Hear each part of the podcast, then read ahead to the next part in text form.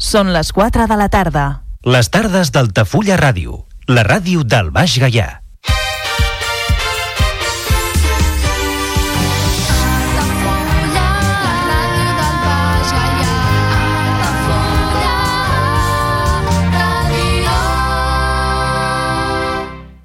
Altafulla Ràdio. Serveis informatius.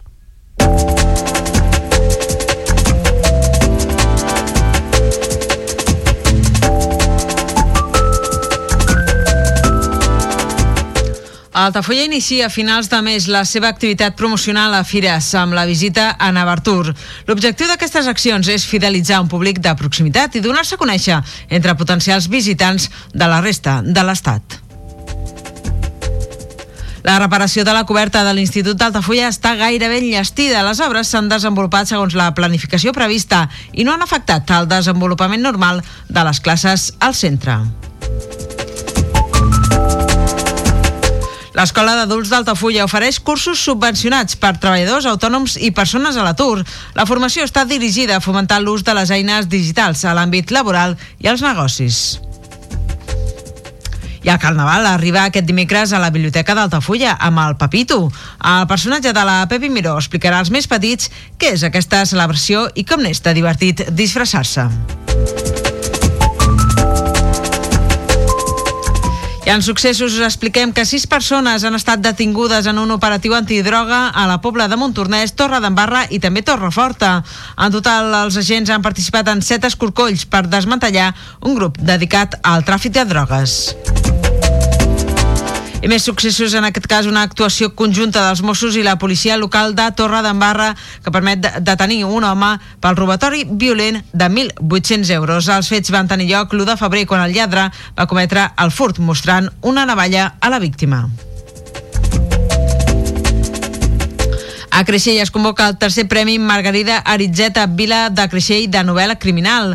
L'Ajuntament de la Vila també convoca el segon concurs juvenil de relat de misteri Creixell Crims per joves d'entre 13 i 18 anys. I aquest dimecres és el segon dia de concentracions eh, per part dels pagesos catalans després d'una primera jornada intensa. Al Camp de Tarragona va haver talls a Vilarrodona i Montblanc i les afectacions han tingut lloc a la P2, la P7, la C14, la C51, l'ENA 240 i també la 420.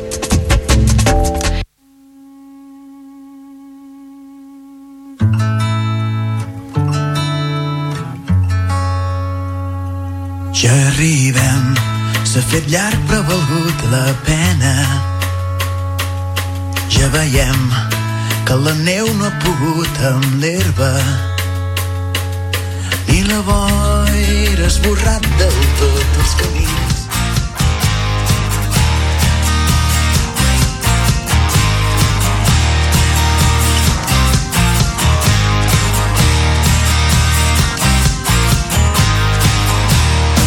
Carrer Major, un programa de ràdio Ciutat de Tarragona.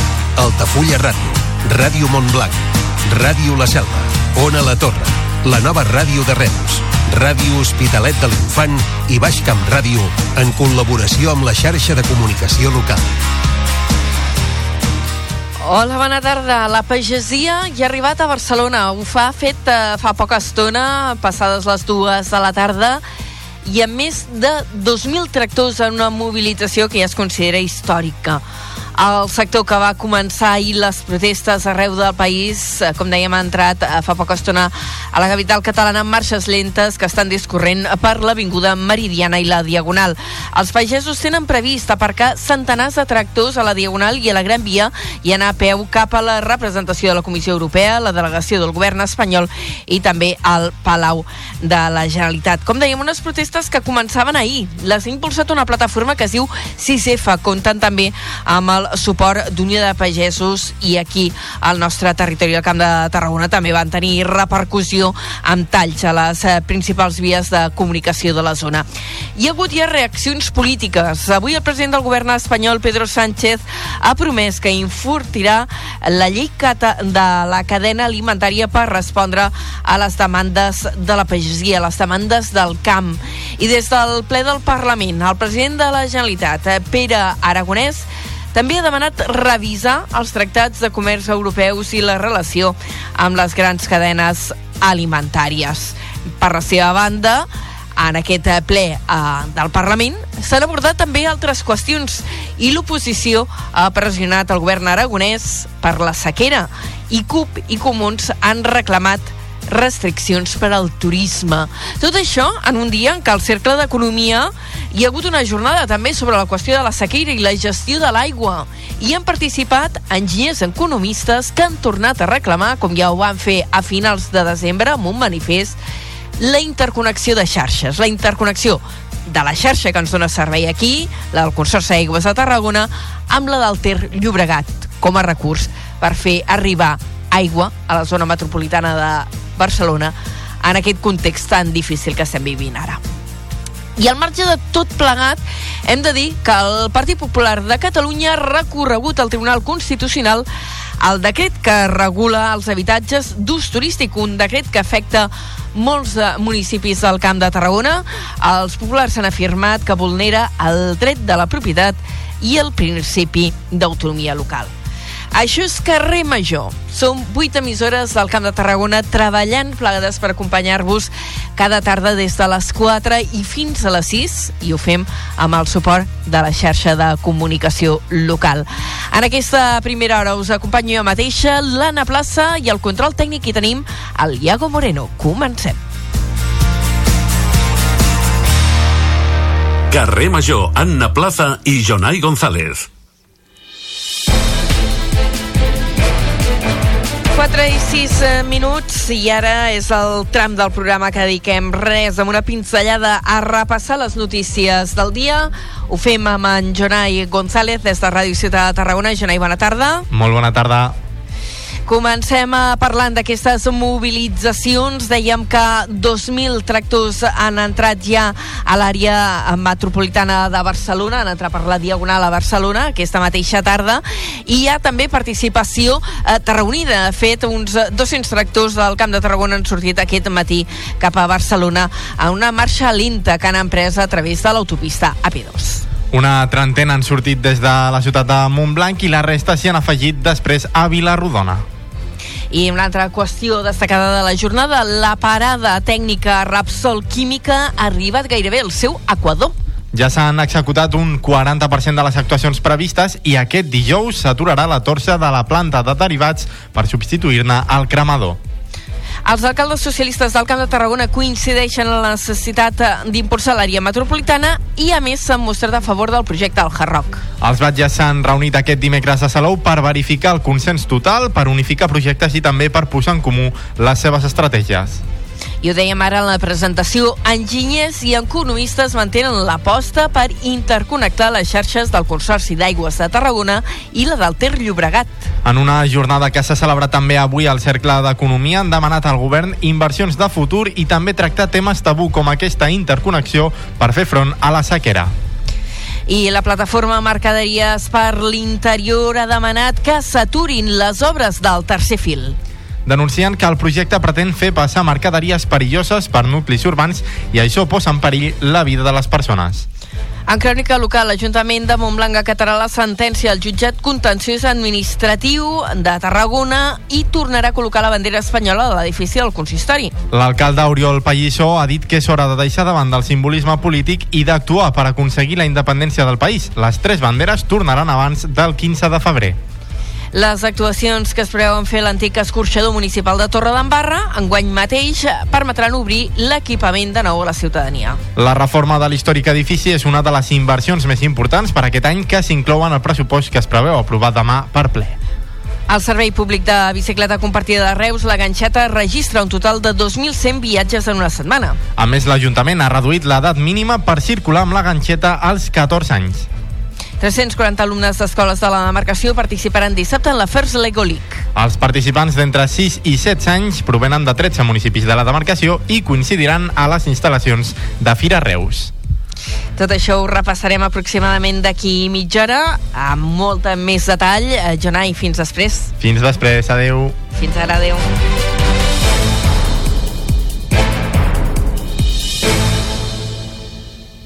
Carrer Major Toni Mateos.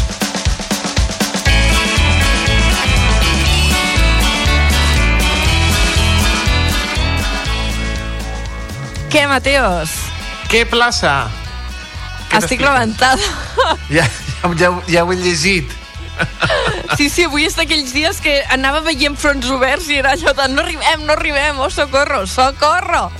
Però hem Mare arribat. Jo, jo també Aquí porto estem un dia... amb tots vosaltres.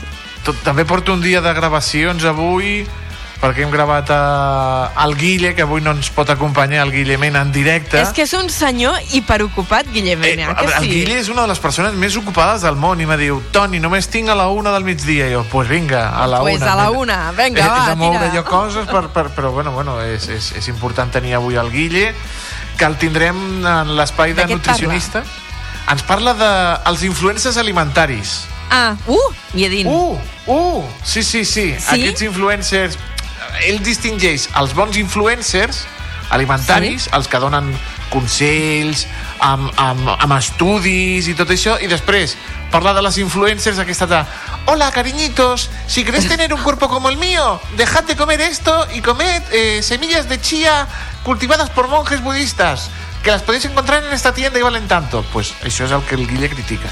Molt bé. Ja, ja m'imagino per on va la cosa, eh? Sí, pels bons influencers i pels mals influencers. També tindrem de la nostra secció eh, de l'entrevista. Avui parlarem amb Gràcia de la Hoz, una fotògrafa que té una exposició al, Salvador, al Museu Salvador Vilaseca de Reus sobre Xina i una exposició fotogràfica sobre Xina només uns instants, molt bonica. Més cosetes, els tonis. Eh, parlarem dels millors carnavals de l'estat espanyol i tirarem eh, per aquí, per Catalunya, però també per la terra de mons pares, perquè hi ha Ah. un carnaval molt curiós i del qual parlarem.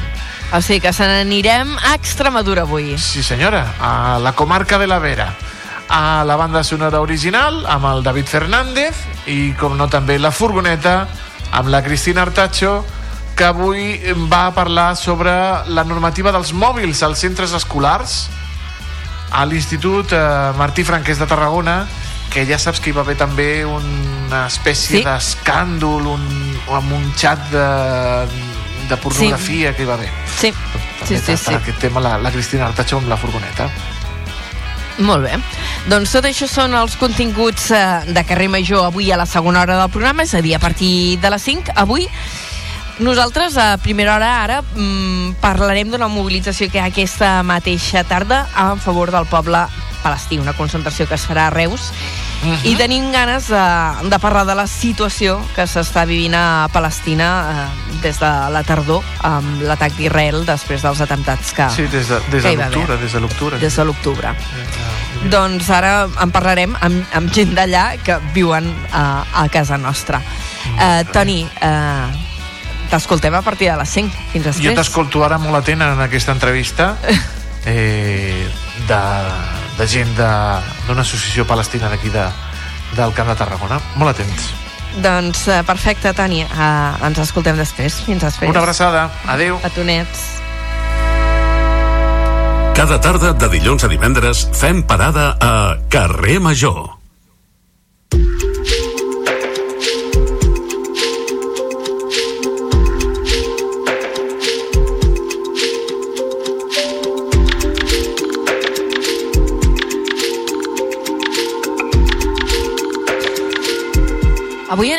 Super puntuals. Encara no és un quart de cinc de la tarda, de fet falten un parell de minuts i encetem la primera entrevista del programa. Ara ho comentàvem amb el Toni. Avui eh, parlarem en aquesta primera hora del programa del conflicte àrabo-israelià, del conflicte que està vivint a Palestina, de la guerra a Gaza, i ho farem amb representants de l'associació eh, Comunitat Palestina Àrab, amb dues de les seves representants, la Mina Schumann i la Salma Eldabach, que les tenim les dues ja als estudis de la nova ràdio de Reus. Benvingudes i moltes gràcies per acompanyar-nos avui a Carrer Major.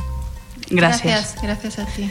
Avui us hem convidat, aprofitant la vinentesa, que aquesta tarda eh, hi ha una concentració a Reus. De fet, es farà a les 7 a la plaça del Mercadal una concentració que s'ha convocat amb el suport de diversos eh, sindicats d'esquerres, és el cas de la CGT, l'IAC i la Intersindical.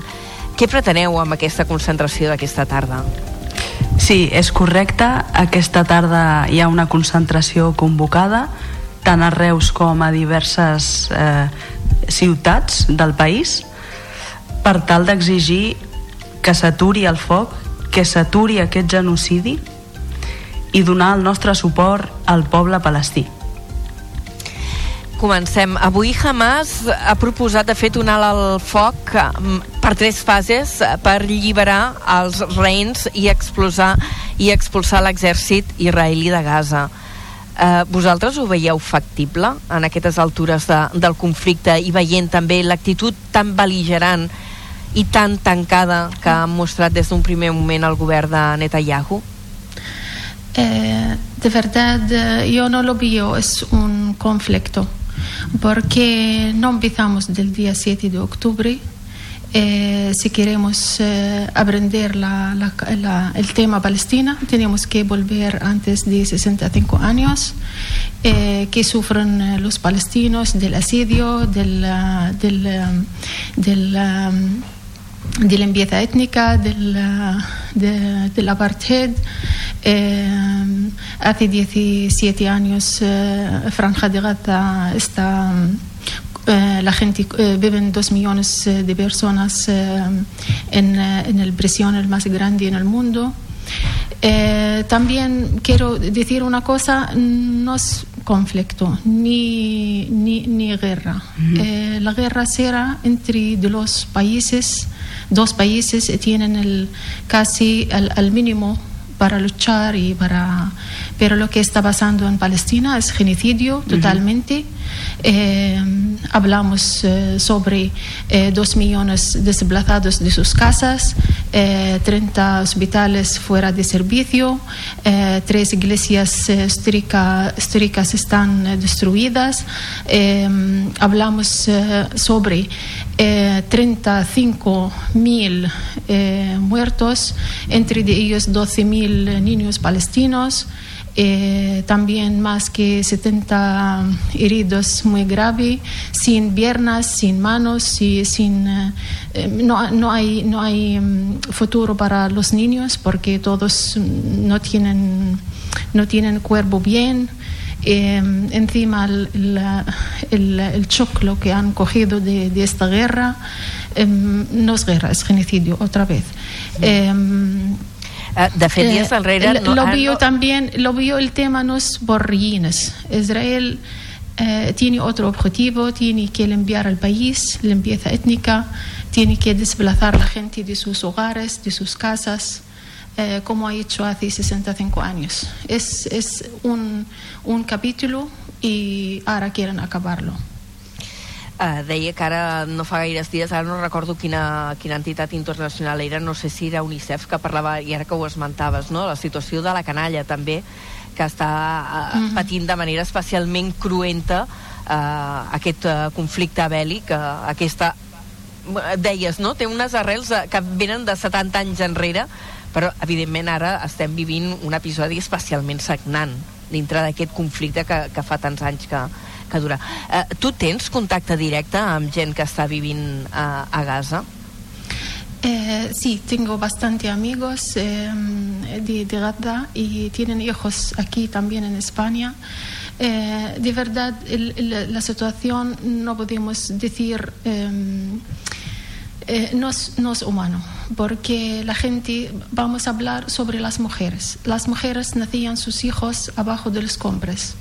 Eh, eh, tú, sabes, ahora hay, hay, hay eh, invierno y las enfermedades en el invierno y tenemos casi la mayoría de la gente sin casas en una tienda abajo del, del frío porque en Palestina hace un mes no paraba de llover también y, hablamos también sobre no hay ni comida, ni agua, ni luz, ni internet, eh, eh, todo oscuro eh, todo sin esperanza allá en Gaza. Eh, no pueden hasta la gente aquí no pueden dar eh, enviar dinero a sus familias en Gaza porque no hay bancos no hay Western Union casi todo el país está destruido eh, no hay comida no hay em, comida entra por la frontera todo es cerrado Israel controlar todo el aire, el agua, el, combustible, pues em, y, también eh, a veces eh, los chicos los que viven aquí y tienen familias en Gaza eh, se quedan muchos días sin contacto con, sus familias y no saben dónde están, si mueren, si beben, si cómo, cómo está es, es complicado. Que la Salma va fent que sí cap tota l'estona Estic mentre totalment la... d'acord amb el que comenta la, la Mina. Eh, de fet, eh, abans comentava que es tracta d'un genocidi i m'agradaria repetir-ho perquè als mitjans de comunicació moltes vegades se sent la paraula guerra i sentim molta impotència perquè és un genocidi clarament eh, a part de...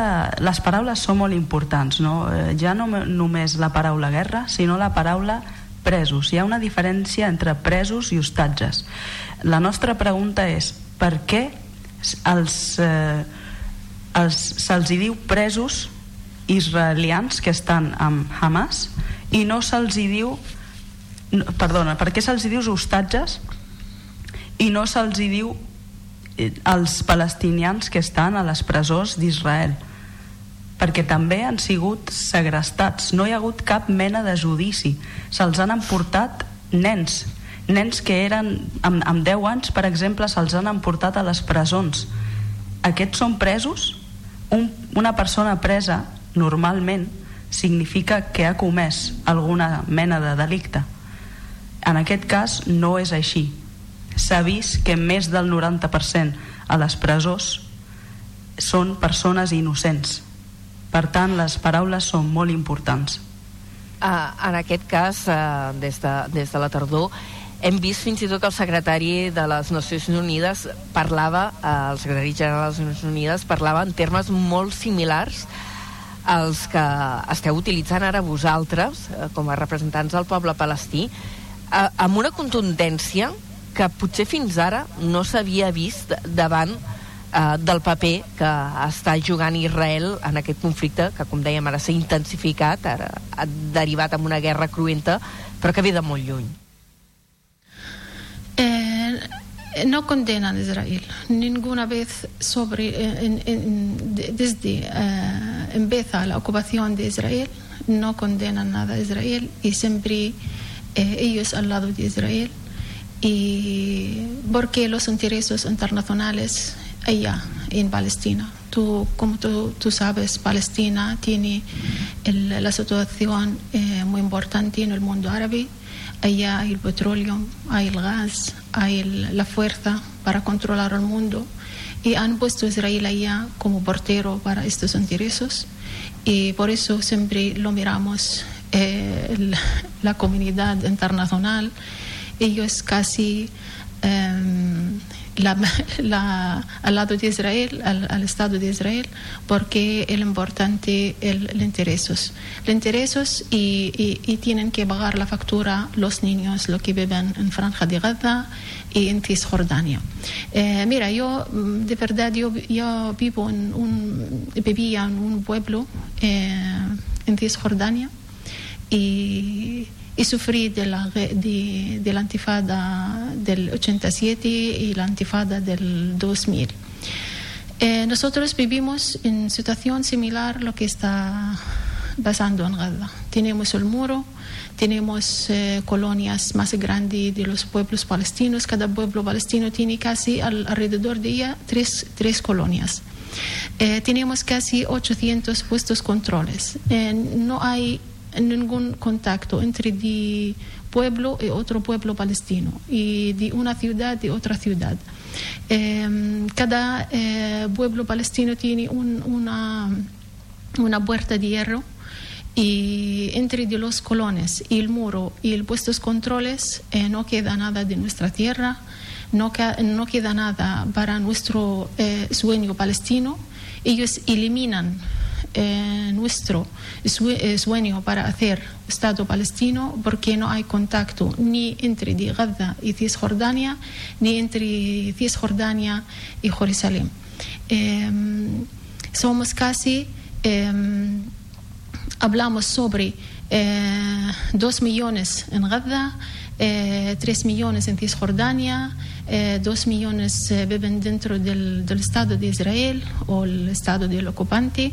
Eh, pues, mm, pues tú hablas, mm, mm, si quieres hablar sobre Estado palestino, eh, no hay eh, contacto, contacto entre del, pueblo, no hay eh, ninguna autoridad para los palestinos para mover de zona y otra zona y, y, y, no tenemos ninguna hasta si queremos viajar tenemos que coger el permiso uh, del, del, Estado de Israel. Y pues tú hablas a, un, a una situación eh, totalmente eh, destruido. Mm -hmm. Salma és que et vaig veient que vas que fent que sí amb el cap al llarg de l'entrevista i entenc que vols o potser afegir coses a, al, que, al que està explicant-nos també la, la, la Mina Schumann que, que està parlant d'aquesta situació mm, que ve de tan lluny de Exacte. un, un, una, sí, de, de, del poble palestí di, dividit de, de, no, l'estat d'Israel diguéssim al mig amb una franja en una banda Cisjordània i amb una franja a l'altra a Gaza que a més estan incomunicades entre elles Sí, sí. Això, com molt bé ha esmentat, bé no, no és del 7 d'octubre del 2023, això fa més de 75 anys que està succeint això és una ocupació il·legal, això és una massacre, és un genocidi, i sembla que no aprenem de la història. Alemanya és còmplice i a sobre dona suport a Israel. França també. Estats Units ja sabem que són Israel i Estats Units són un, bàsicament, i podem dir que aquestes forces occidentals són les que estan eh, donant peu a que mm, surti impune eh, Israel.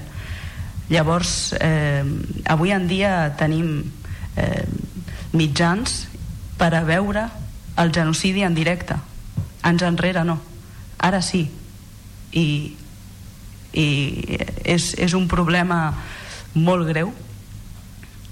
Eh, tenim esperança en que encara queda humanitat, però, però és molt trist el que està eh, passant perquè són realment eh, a vegades diem és que són nens o és que són dones però és que també són homes són persones grans. És, són civils al final són civils. Eh, Hamas és una excusa simplement. És una excusa, eh, el que volen és fer una neteja ètnica i ja ho estan dient obertament. I si ho estan fent obertament és perquè saben perfectament que no n'hi ha cap mena de conseqüència perquè tenen el suport internacional. Vosaltres sou representants I l'acord internacional eh, que va denunciar eh, Sud, eh, Sud-àfrica fa uns dies, unes setmanes, eh, ja vam veure que l'acord internacional va dubtar molt, va dubtar molt en dir sí, això és un genocidi. Llavors, aquí entenem que, que hi ha molts interessos darrere. I quan Yemen el país més pobre, el país àrab més pobre, va decidir posar límits, posar límits per tal de eh, parar i frenar aquesta massacre, ja hem vist què, està, què ha passat. El que ha passat és que eh, tots han anat en contra, tots han anat a atacar aquest país. Per què? Aquí està la pregunta, per què?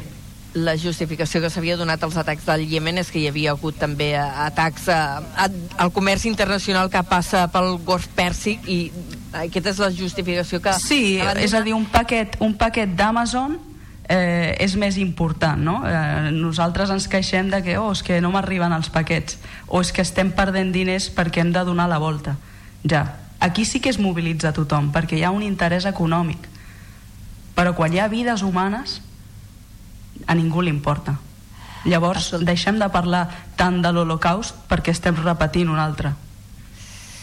Vosaltres sou membres de l'Associació Comunitat Palestina Àrab al Camp de Tarragona. Expliqueu-nos una mica què, qui sou aquesta associació, com esteu organitzats i quin contacte teniu amb la gent que està vivint ara mateix a Palestina i que segurament molts són parents i amics.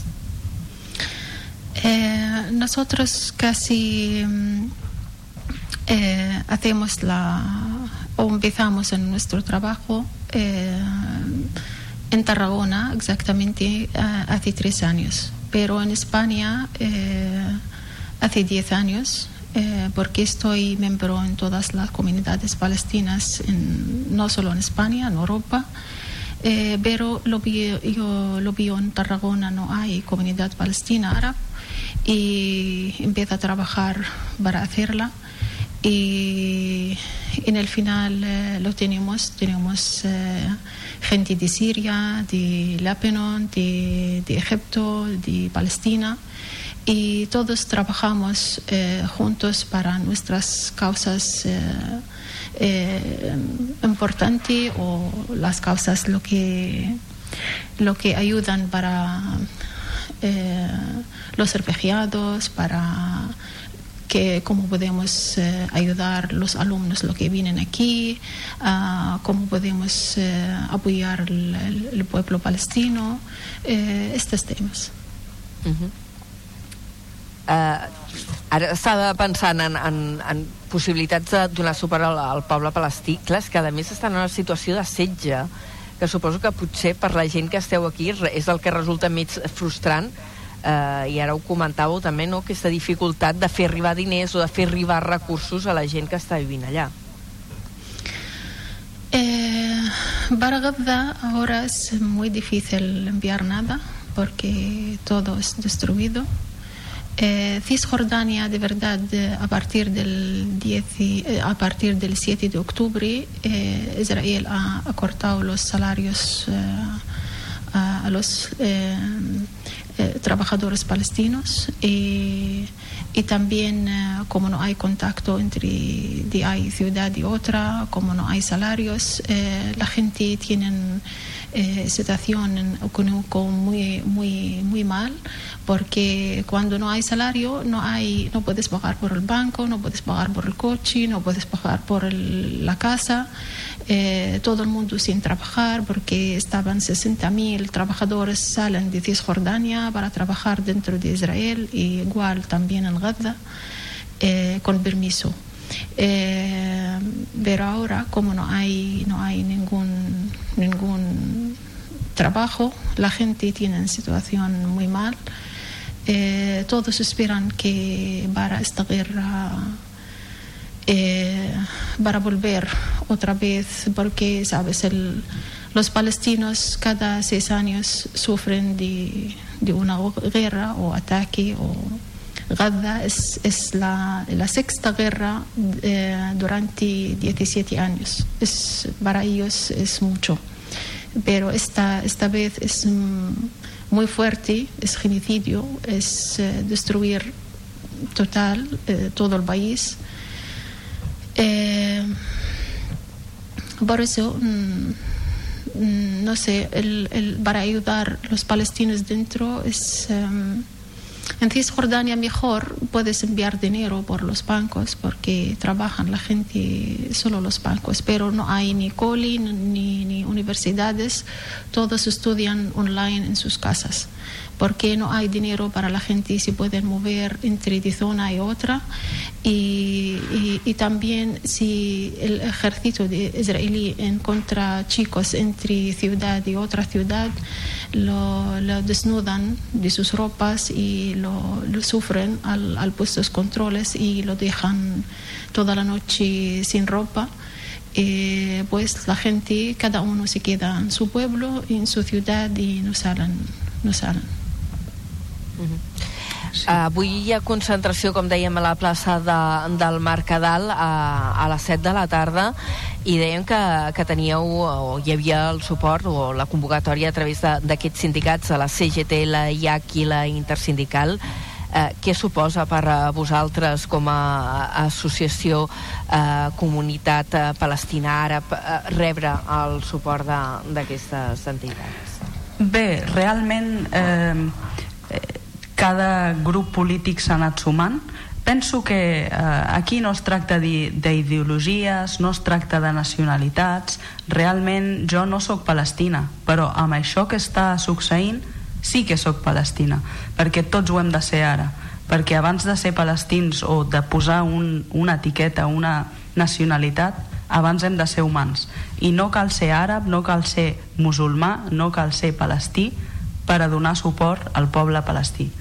Per tant, sí, s'han unit uns grups polítics, unes associacions, uns sindicats i van sumant, afortunadament, i esperem aconseguir l'objectiu de, de poder aturar eh, aquest genocidi eh, el més aviat possible. Hi ha, hi ha esperança, Amina? Perquè, clar, suposo que una de les qüestions més mm, no sé com dir-ho, eh? anava a dir xocant però no, no és la paraula que busco no? però és mm, davant d'aquesta situació i davant d'una situació ja prèvia d'unes tases d'atur molt elevades d'un eh, bloqueig econòmic de qui, quina esperança hi ha per la població palestina com estan els ànims Eh, el pueblo palestino de verdad eh, somos, eh, somos eh, eh, si quiero decirte, en, en Palestina casi 80, 100 por, 80% lo tienen certificado de máster y doctorado. Tú dices, puede ser, es no es verdad, pero el pueblo palestino son pueblo inteligente. tenemos 11 millones palestinos trabajan fuera en en países árabes o en Estados Unidos o en Europa, tenemos bastante médicos, tenemos... Eh, es, es nuestra esperanza, porque estas generaciones no olvidan Palestina. No somos indios rojos, eh, con todo respeto. Eh, somos, tenemos los raíces en Palestina. somos semillas en esta tierra. Y mis pueblos, eh, mis eh, abuelos siempre me dicen eh, cómo Israel cuando llega hace 65 años han hecho masacres en 530 pueblos palestinos, como quemaron estos pueblos para la gente eh, dejan sus hogares y sus tierras y para traer un millón de judíos de, de fuera y ponerlos en Palestina, en nuestras casas. Eh, si dice Israel, esta gente se mueren y sus hijos se olviden. Pero vienen generaciones y generaciones palestinos y no olvidamos, porque es nuestra tierra, es nuestro derecho y nosotros eh, tenemos eh, sueño, viene un día y Palestina se vuelve a los palestinos, porque lo que ocupa Palestina no solo Israel, ocupa Palestina casi históricamente siete o ocho países el más fuerte en el mundo. En el final todos marcharon y se queda Palestina y se queda Gaza para nosotros. Por eso esta eh, lo que da las mujeres palestinas la fuerza y cuando enterraron casi toda la familia y todas eh, eh, todos sus hijos, ellos tienen esperanza, eh, viene un día y Palestina se vuelve, es el, lo que vagamos ahora, es, es fuerte, es duro, pero Palestina no vuelve con flores. Tenemos que pagar este precio y nosotros no, es, no es la última guerra para nosotros. Nosotros sabemos de, tenemos casi eh, muchos años luchando, tenemos 5 o 7 mil eh, en, en, en, los cárceles israelíes y, y tienen cadenas perpetuas y no salen toda la vida de, sus, de, de estos cárceles hasta cuando se mueren. Eh, Israel roba sus, sus piel, porque tiene el, el, el, el, banco de piel el más grande en el mundo de, de, del, del, del, piel de los palestinos, lo que mueren en los cárceles, porque no podemos, eh, no podemos cogerlos, porque es así, Israel es así. Pues esa es la experiencia, eh, se queda con nosotros, enseñamos a nuestros hijos, Palestina se vuelve un día, y por eso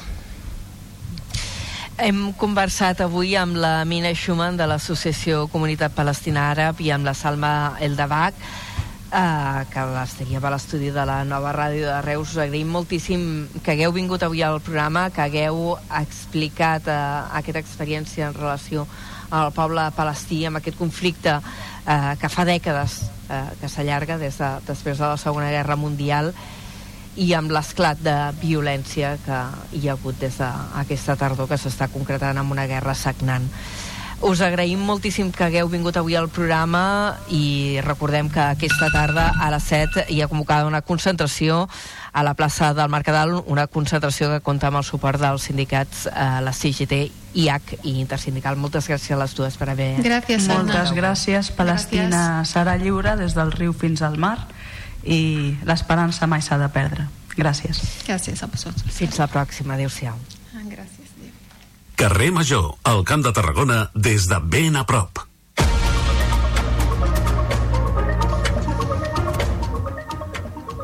Són les 4 i 40 minuts. Avui hem tingut aquest testimoni tan punyent eh, de la Amina Schumann. Ella és de Cisjordània, eh, viu a Reus i ens ha explicat, ens ha donat testimoni del que suposa viure a Palestina avui en dia i des de fa dècades, perquè el conflicte, com dèiem, no és nou.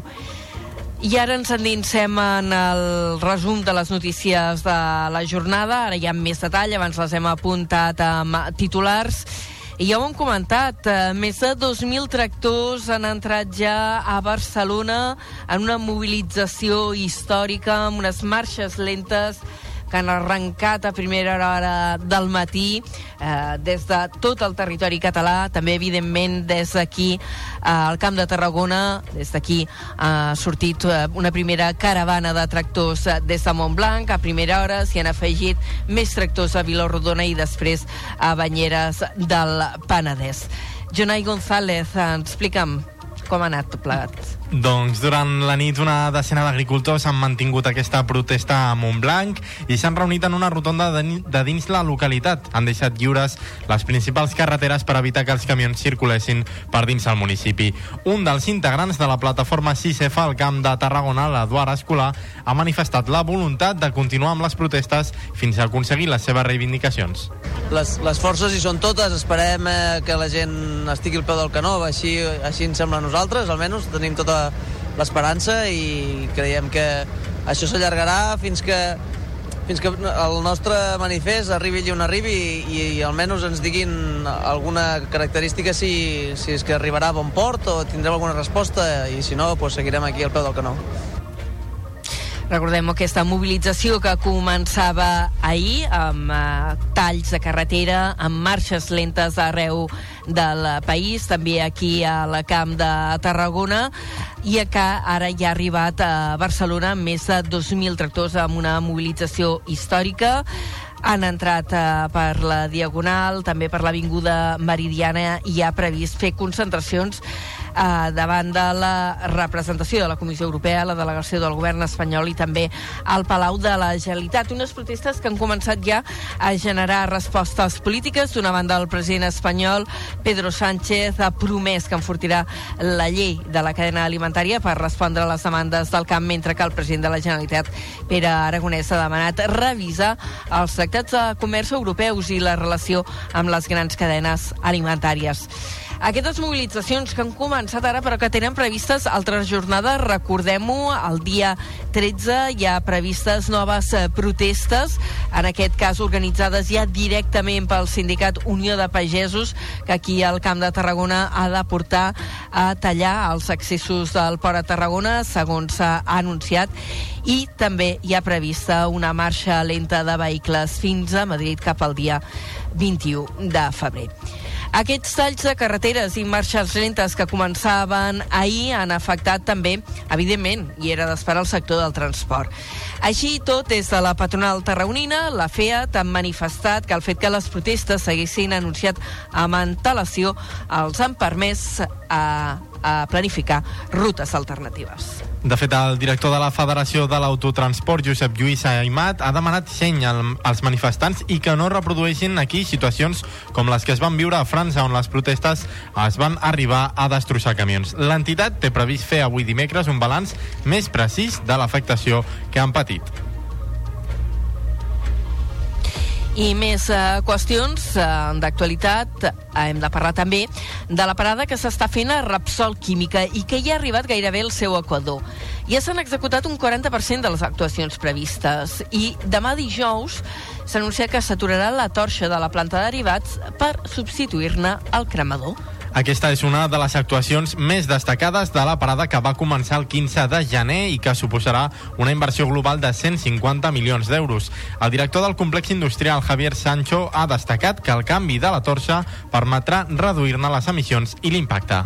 Una inversió molt rellevant a la torxa per eh, millorar el que és el funcionament de la torxa, igual que van fer a la parada de, del cràquer i a la parada de les unitats de combustibles. Millorem amb les millors tècniques disponibles a la torxa per reduir eh, soroll, reduir vibracions, eliminar episodis de fum negre a la torxa, eh, una inversió de 20 milers d'euros per uns nous tractadors d'emissions gaseoses en les que reduirem eh, de forma molt significativa les emissions de compostos organovolàtils a l'atmosfera. Aquesta parada és la més important de la història de Repsol. 100 milions d'euros es destinaran a inversions i 50 a manteniment. A banda de la substitució del cremador de la torxa, que compta amb un pressupost de 4 milions d'euros, Sancho també ha destacat les millores en eficiència energètica, en capacitat de producció i també en digitalització. Els alcaldes socialistes del Camp de Tarragona coincideixen en la necessitat d'impulsar l'àrea metropolitana i, a més, s'han mostrat a favor del projecte del Hard Rock. Els batges s'han reunit aquest dimecres a Salou per verificar el consens total, per unificar projectes i també per posar en comú les estratègies. Es tracta, segons els socialistes, d'una realitat que facilitarà el fet de tirar endavant el projecte de l'àrea metropolitana. En té més detalls l'Adrià Tella des de Ràdio Ciutat de Tarragona. Els batlles consideren que és l'eina necessària per fer sentir la veu i impulsar la unitat d'acció del Camp de Tarragona. El veuen com un instrument que hauria de permetre gestionar i dinamitzar conjuntament els serveis i recursos compartits de forma més competitiva i sobretot més eficient. Tots ells apunten que és viable respectar l'autonomia local i les particularitats de cada municipi alhora que es genera i s'estableix un òrgan de caràcter mancomunat. Entre aquestes matèries compartides s'hi troben el transport, els residus o la implementació d'energies netes i renovables. En l'àmbit del transport s'ha defensat el projecte del tramvia del camp, malgrat que evitant les catenàries a la trama urbana, com ja han reclamat els darrers mesos diversos dels alcaldes per tal de no afegir barreres urbanístiques a les ciutats. També s'ha donat suport a la reclamació de Salou per tal que la Generalitat compleixi amb el conveni signat per procedir a urbanitzar la zona de l'Eix Cívic, així com s'ha instat al govern català a que acceleri el procés per implementar el Hard Rock. S'han trobat a la reunió els representants polítics de Salou, Tarragona, Reus, Constantí, La Canonja, Cambrils, Montroig i Torredembarra. També hi han assistit la diputada del Parlament, Rosa Maria Ibarra, el subdelegat del govern Santi Castellà i el secretari de Política Municipal del Partit Socialista, Joaquín Fernández. Moltes gràcies, Adri, per aquesta uh, crònica. Tornem a parlar un dia més de gestió d'aigua. Avui enginyers i economistes han dit que mantenen l'aposta per interconnectar les xarxes del Consorci d'Aigües de Tarragona, la que ens dona servei a nosaltres, i la del Ter Llobregat. En una jornada que s'ha celebrat al Centre d'Economia, han demanat al govern català inversions de futur i també tractar temes tabú com aquesta interconnexió per fer front a la sequera. A finals de l'any passat, diversos col·legis d'enginyers i economistes ja han apostat per la interconnexió de xarxes com a solució per fer arribar aigua a l'àrea metropolitana de Barcelona. Tot i l'oposició, que ja han explicitat tant el govern com el Consorci d'Aigües de Tarragona avui, han insistit en aquesta proposta. Carles Conill, enginyer i membre de l'Observatori Intercol·legial de l'Aigua de Catalunya, afirma que ni tan sols caldria ampliar el mini transvasament perquè actualment no es gasta tota l'aigua prevista a la concessió.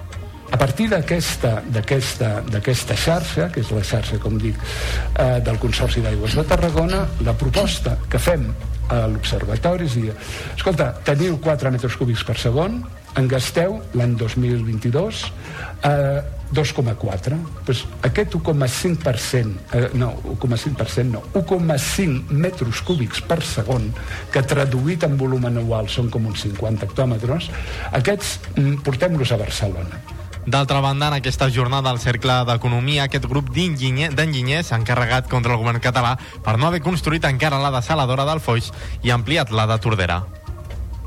I encara parlant de gestió d'aigua, una qüestió ben diferent, el president de la comunitat de regants de Bràfim ha declarat avui al jutjat i ha dit que no tenien mitjans per controlar el cabal ecològic del riu Gaià.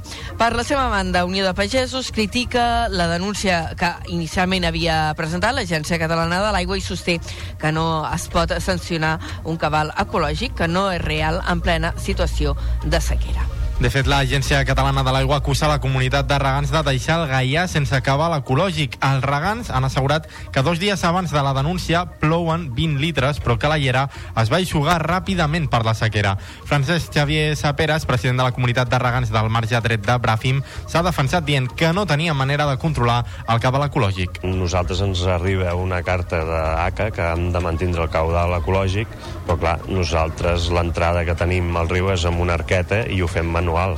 Eh, com mesures el cabal ecològic? Com mesures els litros que entren al riu o entren al, al rec? És que nosaltres no tenim mitjans per, per, per controlar això. Sí, de vista, però de vista és molt difícil. Una decena de persones han donat suport al president dels regants davant dels jutjats de Valls aquest matí i han tallat amb diversos vehicles i dos tractors la carretera del Pla durant una hora aproximadament. 10 minuts i seran les 5 de la tarda i avui tornem a recollir reclamacions que fa la plataforma Mercaderies de l'Interior que ha demanat directament a DIF que aturi les obres del tercer fil denuncien que el projecte pretén fer passar mercaderies perilloses per nuclis urbans i això posa en perill la vida de les persones. Ens ho explica des de Ràdio Ciutat de Tarragona l'Irene Urbistondo. El portaveu de la plataforma, José Enrique Vázquez, ha explicat la seva preocupació pel tema. Comenta que el tras del corredor incompleix normatives europees mediambientals i de seguretat ciutadana. Afegeix que les vies del litoral mai han estat preparades per transportar mercaderies i reitera que la proposta no és viable i si es fa seria un col·lapse absolut. El tercer fil consisteix en la mateixa via, que potser té 100 anys, una via absolutament obsoleta, afegir un carril més per complir l'ample de la Unió Europea fem una infraestructura vital per a tot l'estat espanyol, vital per a Catalunya, fem un nyap. Posant un tros més de riel i dient que això serà el corredor mediterrani de la Unió Europea. Estem fent el ridícul. També ha volgut enviar un missatge als polítics encarregats d'impulsar aquest projecte. Escolti'm, assessorins per tècnics. Això són decisions polítiques que no executades d'una forma tècnica correcta, tornarem a tindre pues, aeroports que no calien, infraestructures que no funcionen i inversions milionàries que no serveixen absolutament per res. La plataforma fa un any va proposar una alternativa al Ministeri, que mantenia els trens de passatgers per la línia litoral, però feia passar els trens de mercaderies per una altra ruta interior. El nou tras donava resposta a la negativa de tots els partits de les poblacions afectades que s'havien manifestat en contra de que el corredor passés pel nucli de les seves poblacions i a més també aconseguia aprofitar infraestructures ja existents. Moltes gràcies, Irene. Parlant d'infraestructures ferroviàries, Adif anuncia que reforçarà l'eficiència en circulació en cinc estacions de les línies Saragossa-Lleida i Lleida-Barcelona, amb una inversió de 33 milions i mig d'euros. A Tarragona, la modernització dels sistemes de gestió del trànsit es farà a Montblanc i Vilaverd. Amb aquesta inversió es preveu incrementar les prestacions de fiabilitat de la circulació ferroviària en aquestes estacions. El contracte comprèn el disseny i definició, la redacció del projecte constructiu i també l'execució dels treballs. I seguim situats a Valls, on l'Ajuntament ha anunciat que acatarà, a Valls no, a Montblanc, on l'Ajuntament anuncia que acatarà la sentència del jutjat contenciós administratiu número 1 de Tarragona i tornarà a col·locar la bandera espanyola a l'edifici del consistori. L'alcalde Oriol Pallissó ha dit que és hora de deixar de banda el simbolisme polític i d'actuar per aconseguir la independència del país. Ha assegurat que amb la decisió d'executar la resolució judicial no traeix els seus principis republicans. Ell i el secretari municipal s'enfronten a la inhabilitació per un delicte de desobediència greu. L'associació Impulso Ciudadano va denunciar-ho, va denunciar a Pallissó i l'alcalde ha explicat que quan va accedir a l'alcaldia el juny del 2023 les tres banderes estaven situades damunt de la taulada i que les van retirar perquè estaven deteriorades. Els suports de ferro, que les sostenien, no estaven en bon estat i havien danyat part de l'edifici. Amb tot, ha explicat que han decidit no allargar més els procediments judicials per no finançar l'entitat. Tot i això, la sentència del jutjat contenciós número 1 de Tarragona es podia recórrer al Tribunal Superior de Justícia de Catalunya només durant els 15 dies posteriors a la notificació que es va produir el 21 d'abril de l'any passat, però Pallissó no va accedir al càrrec fins al 17 de juny. I seguim amb notícies de l'àmbit municipal. Anem fins a Torredembarra, on les activacions que es preveuen fer enguany a l'antic escorxador municipal permetran obrir aquest equipament de nou a la ciutadania. La reforma de l'històric edifici és una de les inversions més importants per aquest any que s'inclouen al pressupost que es preveu aprovar demà per ple. Ens ho explica des d'Ona la Torre en Josep Sánchez. En total s'hi destinaran 236.000 euros i amb aquesta intervenció l'edifici, de 690 metres quadrats de planta, obrirà les seves portes per a l'ús de les entitats culturals del municipi. Durant la presentació del pressupost aquest passat dilluns, l'alcalde Eduard Rovira va explicar que la intervenció consistirà en un reforç i consolidació de l'estructura i la construcció del sostre amb la creació d'espais diàfans a la planta baixa i la primera planta. Una, una remodelació de l'estructura, un reforç de l'estructura, consolidació, construcció del sostre, amb, amb uns nous pendents, perquè la teulada no té el, la inclinació que seria correcta, el qual sempre pot provocar problemes d'aigua en un futur.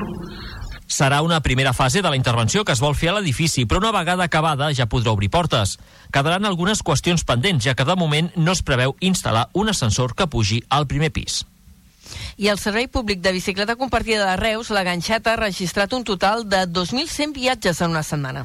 A més, l'Ajuntament ha reduït l'edat mínima per circular amb la ganxeta als 14 anys. Ens ho explica des de la nova ràdio de Reus, la Laura Navarro. Durant la primera setmana de servei hi ha 1.700 usuaris registrats i s'han comptabilitzat 3.500 descargues de l'aplicació, 2.100 per Android i les 1.400 restants per iOS. Per l'estrena s'ha activat una promoció que permet gaudir de la ganxeta de manera gratuïta durant tot el mes de febrer. A partir de març la ganxeta tindrà un preu de 20 cèntims al dia i descomptes pels usuaris habituals. Hi haurà un tiquet de 24 hores que tindrà un cost d'un euro i permetrà usos il·limitats inferiors a 30 minuts. També s'han activat diverses bonificacions mensuals segons la franja d'edat. Els usuaris de 14 a 29 anys i els de partir de 65 anys pagaran en total 6 euros al mes. Com a novetat s'ha reduït l'edat mínima per circular amb la ganxeta a partir dels 14 anys, però serà obligatori l'ús del cas per menors de 16. Aquest canvi serà efectiu d'aquí a unes setmanes.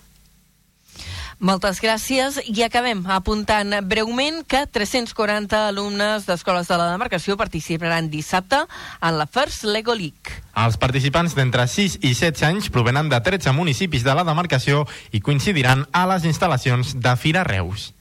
Una competició tecnològica que organitza la Universitat Rovira i Virgili. Tanquem així la primera hora del programa.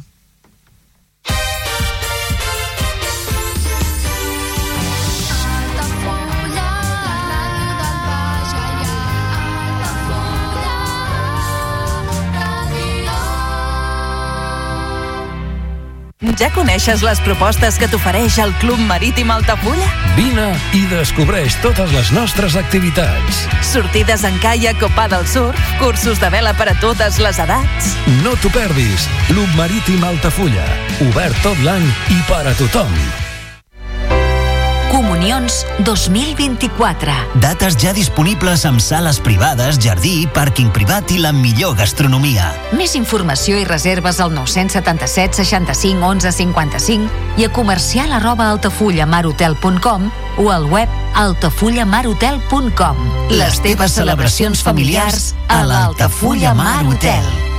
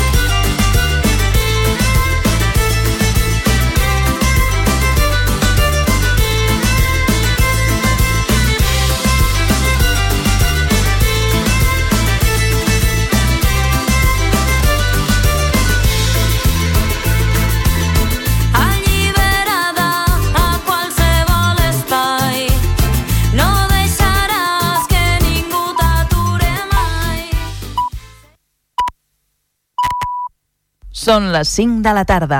Les tardes d'Altafulla Ràdio, la ràdio del Baix Gaià.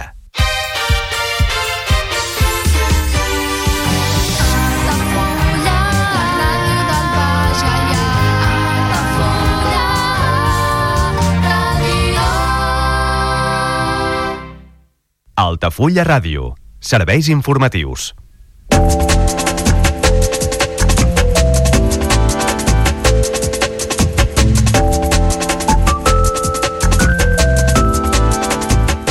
Altafulla inicia a finals de mes la seva activitat promocional a Fires amb la visita a Navartur.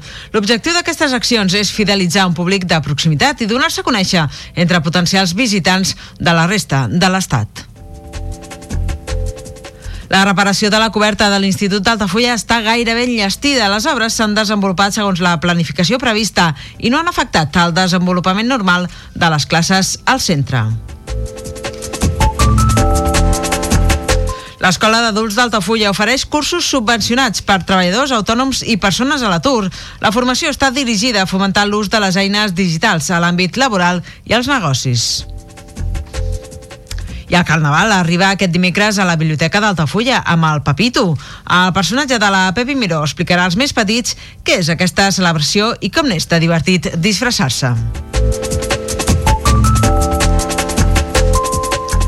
En successos us expliquem que sis persones han estat detingudes en un operatiu antidroga a la Pobla de Montornès, Torre d'Embarra i també Torreforta.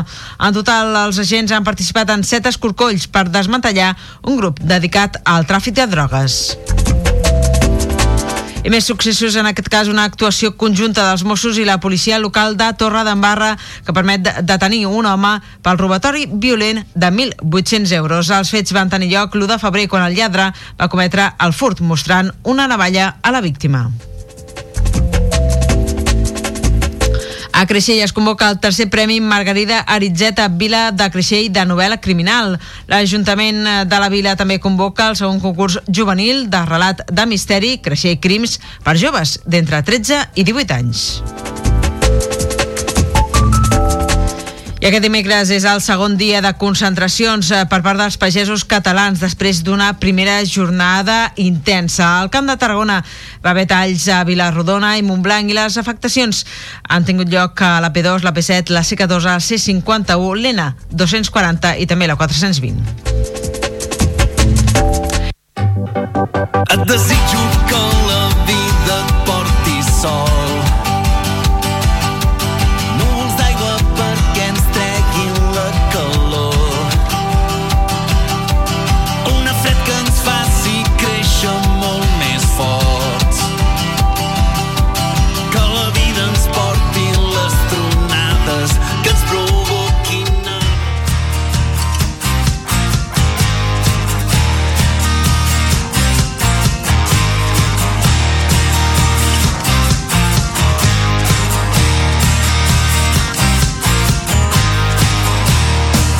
Carrer Major, Toni Mateos i Aleix Pérez. Hola, què tal? Avui parlarem de menjar ràpid. Vinga, va. La cadena McDonald's, coneguda a tot el planeta, no es trenca molt al cap amb el nom de les seves hamburgueses i dels seus productes. Hamburguesa de pollastre? McPollo. Hamburguesa de peix? McFish. Una cruixent? McCrispy. Una hamburguesa per reis? McRoyal. I una hamburguesa extrema? McStream, així de fàcil. Fa uns anys, McDonald's va ampliar el seu negoci obrint les seves pròpies cafeteries. Els McCafés. Oh, quin nom, McCafé. I on podem trobar McCroissants, McCookies, McPops i unes magdalenes que anomenaven McMuffins. La gent els va avisar. Amics de McDonald's, si són magdalenes, per què no les dieu magdalenes en lloc de muffins, eh? Després d'una batalla per internet, amb milers i milers d'internautes reclamant el canvi de nom a Magdalenes, finalment McDonald's a Espanya ha fet una campanya on s'acomiaden de les seves McMuffins i sí, amics, donen la benvinguda a les Mac Magdalenes a l'estat espanyol. I amb marca registrada, tu. No fos cas que els hi robin la idea. Ai, poden anar a McDonald's, al McCafé, i demanen una Magdalena de xocolata o una salted caramel, eh, que és una magdalena amb una crema de eh, sal, coses rares. Quina magdalena o muffin estrany t'has menjat algun cop, Aleix Pérez, de la nova ràdio? Bona tarda, Toni Mateos, de Ràdio La Selva. Eh, no et posa com molt nerviosa allò que ho, ho posin tot en Mac? Tio, no et, fa, no, no, tens com, no et surt com una ira interna de dir per No, què jo comences sempre- tot en Mac? Per què? Per No, què? No. Yo demano siempre un cuarto de libra con queso. No es Mac cuarto de, es cuarto de libra con queso. És que per què, per què eren de posar Mac a tot? Em, em genera com una, una, una, una ira interna que, que no sé gestionar i m'ha que una persona en general bastant tranquil·la. I mira, En mira que és relació- fàcil, eh? Magdalenes, Magdalenes, i no, no, McMuffins. Home, no, per favor. en relació a la teva pregunta, no n'he sí. provat de molt estranyes i a més jo sóc un ferm defensor dels que dic que menges més, per què vols una un, una, una berlina d'un gust estrany o una madalena d'un gust estrany no, fota-la de xocolata normal si tens un dia complicat i ja està, i tampoc no li donis més voltes no?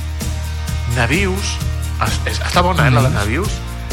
Vaig provar una també, una, una, una muffin, perquè no són magdalenes, ah, això, muffin és una, una magdalena amb coses, no?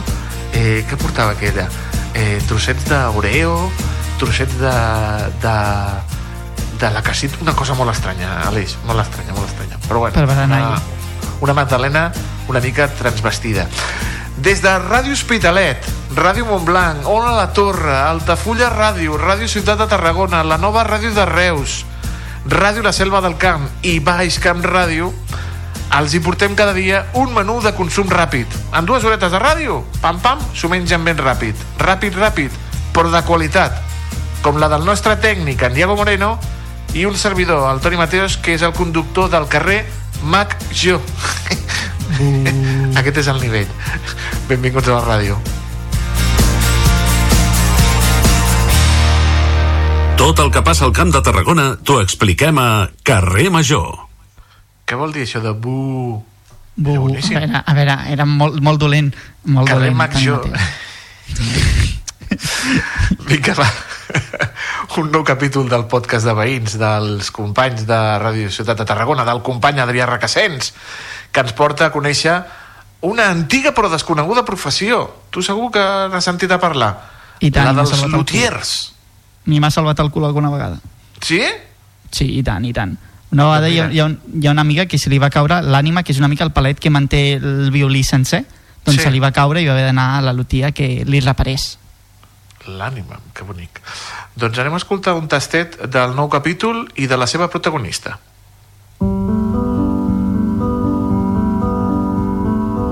Aquest és un nou capítol del podcast veïnal del Camp de Tarragona. Històries i protagonistes del nostre territori. Sabíeu que loteria, a més de joc d'atzar, és l'art de fer instruments? Bé, s'escriu diferent, però en pronunciar pot resultar confús. I es tracta de l'ofici de la nostra protagonista al podcast de Veïns. Soc la Mireia RFR i em dedico a la loteria i a l'arqueteria. Jo vaig néixer a Lleida, eh, tinc 35 anys i tinc el meu local comercial, el meu taller botiga, aquí a Tarragona, al carrer Orosi número 11. Loteria com l'art de fer instruments de corda, vent o percussió. La loteria és l'ofici que s'encarrega de construir i de restaurar instruments musicals. La- L'arqueteria és la que s'encarrega de construir i restaurar els arquets. Lutier, bueno, luteria ve de lut, que, que, està, que, que vol dir llaüt, no? I, i d'aquí és la, la construcció dels instruments de corda, a partir del, del, de la llaüt que diguéssim. Com sabem, hi ha diversos instruments de corda, la corda percutida, la pulsada, la fregada, i jo m'he especialitzat en corda fregada, el, amb el quartet, el violí, viola i violoncel, i eh, estic especialitzada en moderna, no en antiga com podrien ser violes de gamba o violes de braccio o arqueteria ve, ve de, de, de archer, és francès i és arquet.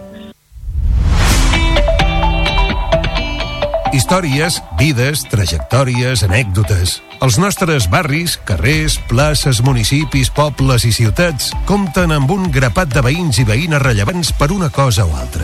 El podcast veïnal de Carrer Major, el programa de les 8 ràdios de la xarxa al Camp de Tarragona, ens fa descobrir aquests perfils del territori cada setmana amb Adrià Requesens. No et perdis cada capítol a rctgn.cat. Podcast de veïns. Gent amb marca local. Ja, ja ho saben, rctgn.cat, a la web de Ràdio Ciutat de Tarragona, al Twitter de les 8 emissores del programa i al servei de Ràdio La Carta i, com no, a la plataforma Xarxa Més.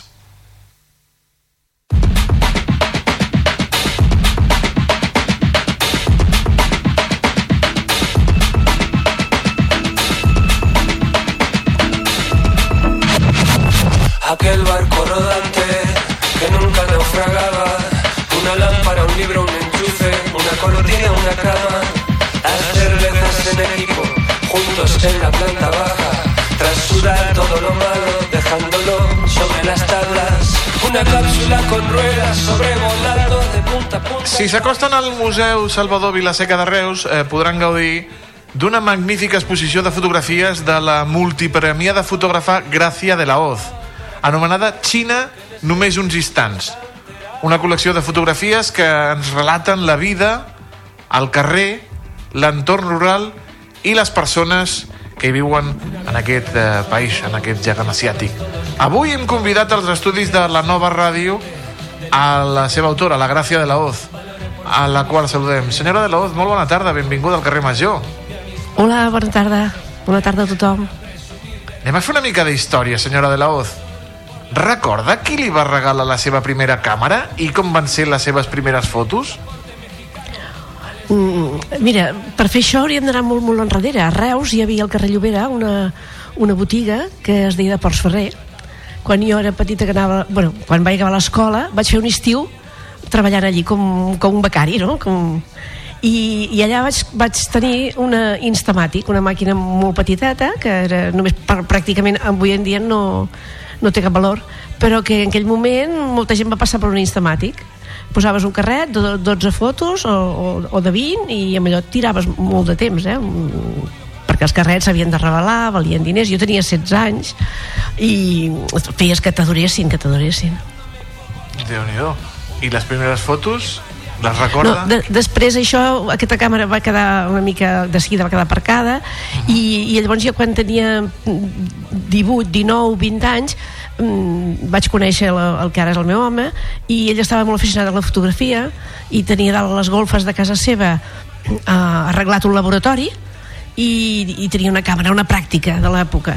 I anàvem, jo i uns quants més que tenim tots una colla i anàvem, quan acabàvem de, anàvem de moltes excursions per la muntanya fèiem fotografies durant tot el dia i quan acabàvem el dia teníem la, la inquietud de veure què és el que havíem fotografiat i anàvem dalt en aquestes golfes i, i revelàvem el carret.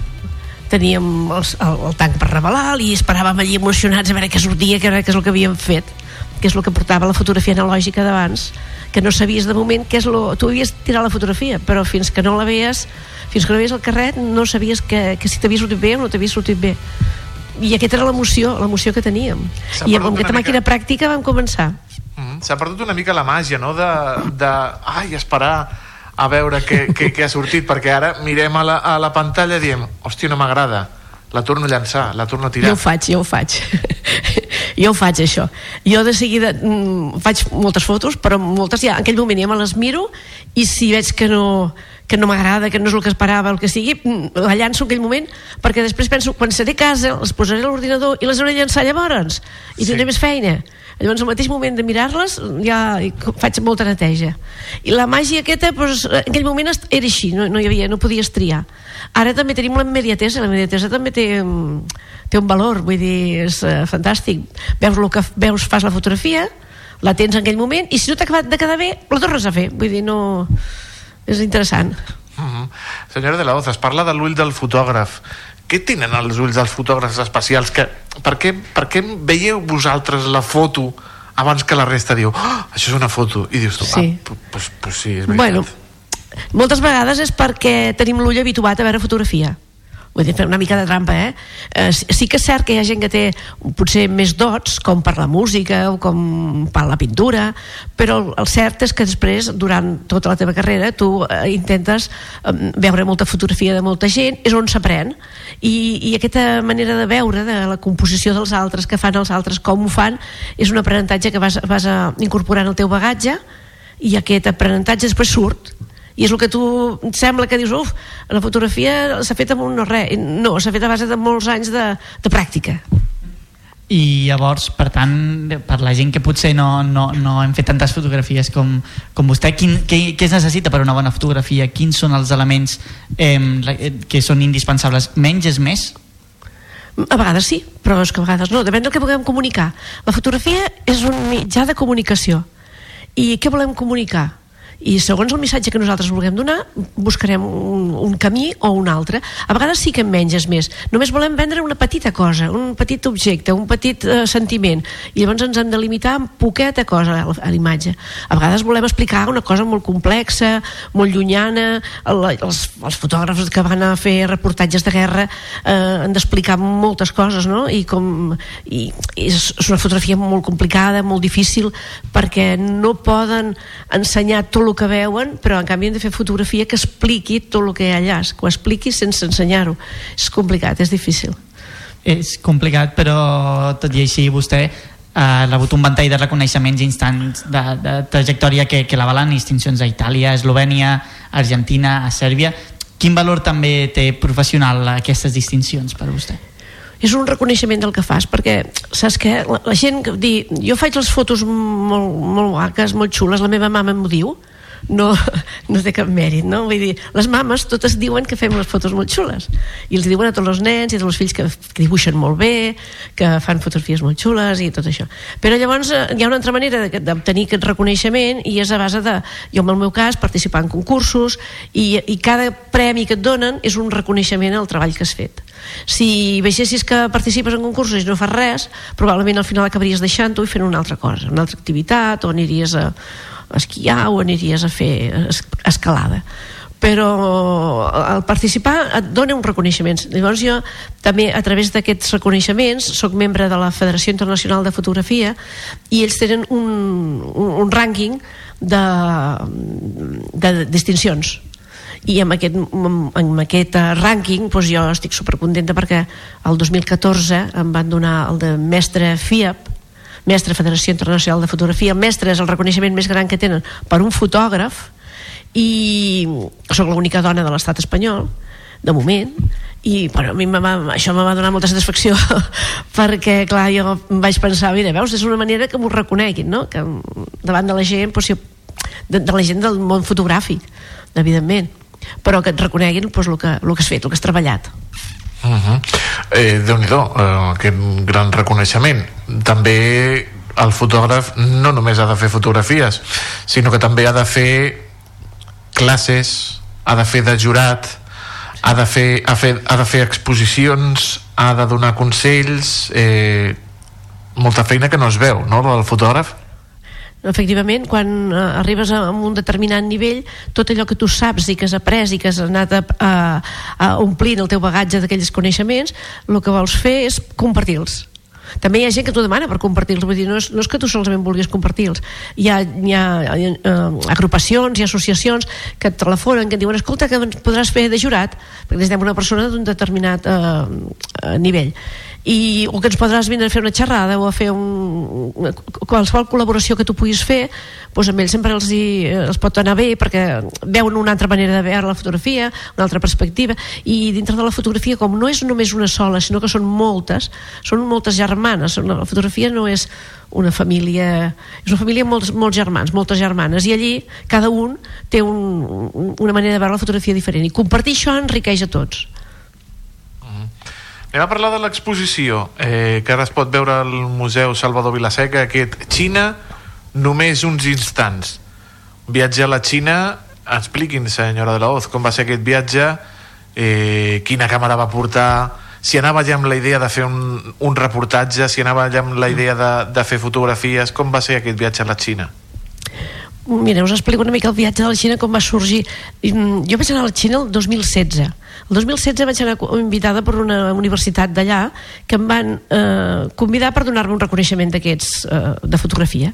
Me conviden, me- me paguen el viatge, me paguen l'estada i jo estic allà 7 o 8 dies i faig fotografies. En aquell moment portava una Fuji que l'acabava d'estrenar, no sabia molt bé com anava, la vaig, una cosa que no s'ha de fer és davant d'un viatge d'aquestes magnituds comprar la màquina 15 dies abans i estrenar-la hauria fet mitges fotos si hagués pres la que ja tenia que tenia una Nikon, que ara la tinc i eh, m'anava molt bé però mira, vaig voler eh, aprofitar per prendre aquella. I vaig fer moltes fotos cert és que vaig fer moltes fotografies. Però bueno, vaig descobrir un país que no coneixia. Jo era molt ignorant i vull dir el que sabia no, no he d'enganyar ningú. Jo el que sabia de xinès són els restaurants xinesos i les botigues de productes que porten de Xina no en sabia gaire cosa més. I allà vaig descobrir un, món eh, immens amb, amb ètnies diferents xineses però ètnies diferents perquè a més a més ens van tractar molt bé ens van portar a veure molts llocs ens van portar a visitar eh, el que deia ètnies de xineses diferents llocs mm, fantàstics per fer fotografia. Vaig fer moltes fotos i ens va passar molt, molt bé. I llavors l'any següent em va sortir l'oportunitat a través de la Federació Internacional de Fotografia que cada any fan un fotomíting, perdó, cada dos anys fan un fotomíting de fotografia i el feien a Xina. I vaig dir, home, aquesta és la meva. Perquè en aquell moment vaig poder el que havia fet una vegada, la següent vegada vaig poder perfeccionar, millorar, ja sabia on anava, ja sabia el que anava a fer. Vam anar a visitar coses diferents, però l'essència del viatge va ser aquesta, i l'exposició correspon amb aquest segon viatge, el 2017. Realment va ser un viatge fotogràficament molt bo. i a més també en, aquest, en aquest viatge no, eh, comenta que, que és això que, que intenta doncs, a pesar de la grandesa no, i la diversitat del Sí. país també captar aquest, aquest instant, aquests espais concrets aquesta perspectiva potser petita no, al sud-oest de Xina, a Guinzhou però que està retratada en aquesta exposició Sí, sí, efectivament. El, el, el, la, fotografia, la fotografia realment només és un instant. La, la, la, història depèn de què pots comunicar tu en aquest instant. Pots comunicar moltíssimes coses segons el que, el que, el que posis a la fotografia. En el meu cas no vaig, no vaig tindre cap pretensió de poder ensenyar el que és Xina. És impossible, és un gegant asiàtic immens, diferent, divers, i no, no crec que, que m'hi podria estar dos anys i no podria fer un bon reportatge. Llavors vaig fer moltes fotografies, vaig fer potser unes 3.000 fotografies, i després, quan vaig preparar l'exposició, em vaig centrar en el que eren les cares, la gent, els retrats, les ètnies, veure la gent de prop. Mm, ells molt, amb moltes fotografies veureu que van molt ben vestits, van molt mudats, eh, ells sabien que nosaltres hi anàvem, es van engalanar tot el que els, seus, els seus vestits eh, diguéssim tradicionals i regionals perquè a cada lloc tenen un vestit una mica diferent d'un altre i es van posar el millor que tenien perquè nosaltres els hi féssim fotos. I jo vaig aprofitar el moment aquest perquè em va semblar que eh, estèticament era, era, eh, s'havia d'aprofitar. 3.000 fotografies i després com, com les escull, senyora de la Hoz? Perquè ha de ser una feina terrible no? ai, aquesta ai, aquesta no entra per poc. Com, com és això? no, jo mira, només tinc, això només tinc una, una explicació. Eh, és la pràctica. Vosaltres segurament que vosaltres aquí amb la vostra feina també teniu molta pràctica amb, amb alguns instruments d'aquests que teniu Sí, i sí, podeu i fer tant. coses molt més ràpides que jo no faria mai. Doncs lo, lo meu ull, el meu ull està molt acostumat a veure fotografia. Quan vas a fer de jurat en concursos internacionals quasi sempre tens 3-4.000 fotografies 6.000, 7.000 n'he arribat a tenir però aquestes 3.000 fotografies les veus a base de mm, 5, 5 segons per fotografia o menys aquests 5 segons només el cervell les capta perquè estàs molt acostumat a veure fotografia molt, molt, molt ràpid i és per això, les 3.000 fotografies no són moltes Mhm. Això li passa al nostre tècnic, al, al Iago, que és, és flash. Ho soluciona tot rapidíssimament. rapidíssimament. Eh, Nikon, Fuji... Eh, no, ara Sony, ara Sony Ara Sony. Sony, Leica... Quina, quina, quina recomanaria vostè com a fotògrafa professional? No, mira, vaig començar a explicar una mica la trajectòria. Vaig començar amb Pentax, així a nivell amb màquines eh, reflex i tal, vaig Sí, començar amb Pentax. Me van durar molts anys perquè eren analògiques, a més a més eren eh, compactes, vull dir, anaven eh, superbé. I després d'aquest reflex que tenia, que eren Pentax, ja entra el món digital. Ens comprem a casa una Sony, digital, la primera Sony digital que vam tenir, i després d'aquí ja passem, vam tindre, vaig tindre una Nikon de 70, una Nikon de 90, o després una Nikon de 300, vas millorant, vas millorant, vas comprant cada vegada una càmera, Mm, s'ha de dir que les càmeres cada vegada van canviant ràpid, vull dir, abans era una càmera i durava molts anys, ara això és in increïble, cada dos o tres anys hi ha un model nou, cada dos o tres anys hi ha un model nou. La que tinc ara és una Sony A7 III que me la vaig comprar durant la pandèmia imagina't que, com, que no fa tant i ara ja entrem la 5 la A7 5 jo tinc la 3 perquè vegis que en qüestió de dos anys i mig han tret dos models eh, més posteriors. Que lògicament fan més coses són més fantàstics més meravellosos i són més cars però bueno, és una cosa que requereix una evolució també amb, eh, amb les màquines i amb l'equipament que vas tenint La Alfa és, és, és cara, eh? La, la Sony Alfa és cara, senyora de la Hoz. Eh, I ara que han tret aquestes que no que són les eh, Evil, que no porten el, el, el vidre dins i tot això. Vale, que doncs aquesta, aquestes, eh, ara va cap aquí la fotografia, perquè jo també t'haig de dir entre, entre secret. Quan la, la Nikon de 800 que tinc pesa un... no ho, sé, Sí, no ho sí. sap ningú el que pesa. Si vas tot el dia... Només ho saben els fotògrafs. si vas tot el dia a fer un viatge o el que sigui, portes aquella màquina tot el dia al coll, acabes amb les cervi- cervicals fetes papilla. I al final resulta que dius, bueno, ara surten aquestes màquines que pesen menys, provem-ho. I ho proves i dius, ah, doncs sí, està bé. I llavors dius, va, vale, vale. I te- te- t'enganxes i són molt pràctiques, pesen menys, eh, fan mil, mil coses, fan vídeo, fan... Jo no faig vídeo normalment, però fan vídeo, fan... Eh, els youtubers estan bojos per aquestes màquines, vull dir, són, un- són un èxit. Si ens acostem al Museu Salvador Vilaseca, eh, què podrem veure en aquesta Xina només uns instants? Bueno, jo tinc 40 fotografies, són un format quadrat. M'agrada molt treballar amb el format quadrat. Crec que eh, permet molt bé l'enquadre de, de, vertical, horitzontal eh, té moltes complicacions. Eh, l'horitzontal a vegades per paisatge està bé. Quan vols passar amb una pantalla de televisió o alguna cosa d'aquestes al vertical no, no s'aprofita. Total que m'he centrat molt en el quadrat que m'encanta. I aquestes 40 fotografies he de dir que el dia de la inauguració me ve un, un senyor i em diu escolta, hi ha mol- moltes dones aquí. Com és que hi ha tants retrats de dones? Doncs no me n'havia donat compte. Mira, veus això que dius que la vista la tinc acostumada a veure fotos. Doncs jo no me n'havia donat compte que hi ha moltíssimes dones molts retrats de dones. Potser vaig pensar que eren molt més agraïdes estèticament. I són retrats de dones, de nens, d'homes que vaig anar trobant per aquest, eh, per aquest eh, trajecte per a, a través de la Xina Doncs estarem molt atents amb aquesta exposició. Eh, Gràcia de la Hoz, moltíssimes gràcies per acompanyar-nos aquesta tarda al carrer Major. Ha estat un plaer doncs, escoltar a una professional com vostè del món de la fotografia. gràcies a vosaltres Estàs escoltant Carrer Major.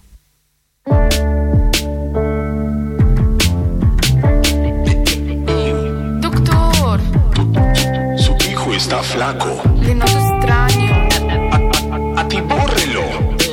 No quiero más puré, qué rica la tortilla, apártamelo rojo. Cada 15 dies parlem de nutrició amb el nostre expert, el nutricionista Guille Mena. I avui parlarem d'una cosa que està molt de moda, que són els influencers en l'alimentació. Bueno, ell és el nostre influencer preferit en l'alimentació, el Guille Mena, que ens influencia cada 15 dies aquí al carrer Major. I el saludem. Guille Mena, bona tarda. Què tal? Molt bona tarda. Tot Espero que us influenci, però en positiu, no? Se sempre, sempre, sempre. Bueno, de vegades de vegades ens influencies allò de ai, Toni, Toni, trauré el, el làtigo, ja veuràs. I em va fer tremolar allò de l'altre dia, eh? Bueno, bueno, és un tema candent, eh, el que comentes és un tema candent. Sí, sí, perquè no hi ha dubte que s'han convertit en líders digitals eh, per la seva capacitat d'influenciar sobre la gent, però és perillós tot això, Guille? Bueno, el, jo crec que és eh, tant un benefici com pot ser algo eh, perillós. Bàsicament perquè el món s'està digitalitzant a una, a una velocitat increïble, ja només amb el tema de la intel·ligència artificial, eh, hi ha molts factors que s'han de tindre en compte. Eh, què és el que passa? Que moltes vegades no, l'error és que ja, ja mm, no, no solament el públic de carrer està escoltant els influencers, sinó també que els propis, eh, per exemple, en el nostre cas, no? els propis dietistes nutricionistes, en comptes d'anar a buscar la informació a articles científics, ja esperen els titulars dels influencers, quan a vegades no, el titular no explica realment la certesa científica de, del que s'està explicant. És a dir, si jo me, en comptes d'anar a la biblioteca m'espero a que la persona que m'està donant els llibres em recomani el llibre, vale? és, molt, és molt fàcil caure en error. Uh -huh. I hi ha molts titulars, hi ha molts titulars que... Jo t'estic parlant dels influencers bons, eh? És a dir, hi ha influencers bons que promouen missatges de salut pública. Sí. Vale? Aquests missatges de salut pública està molt bé que es facin a les xarxes socials, però s'han de pensar que són missatges generals. El problema està quan aquests influencers no tenen una titulació adequada. És a dir, no són dietistes nutricionistes, no estan col·legiats, i aleshores uh, tenen grans seguidors, Uh -huh. perquè és així, hi ha molta gent que atrau per la manera de comunicar, per al seu físic, pel que sigui, i es donguin missatges que són erronis. Això sí que és un problema de salut pública.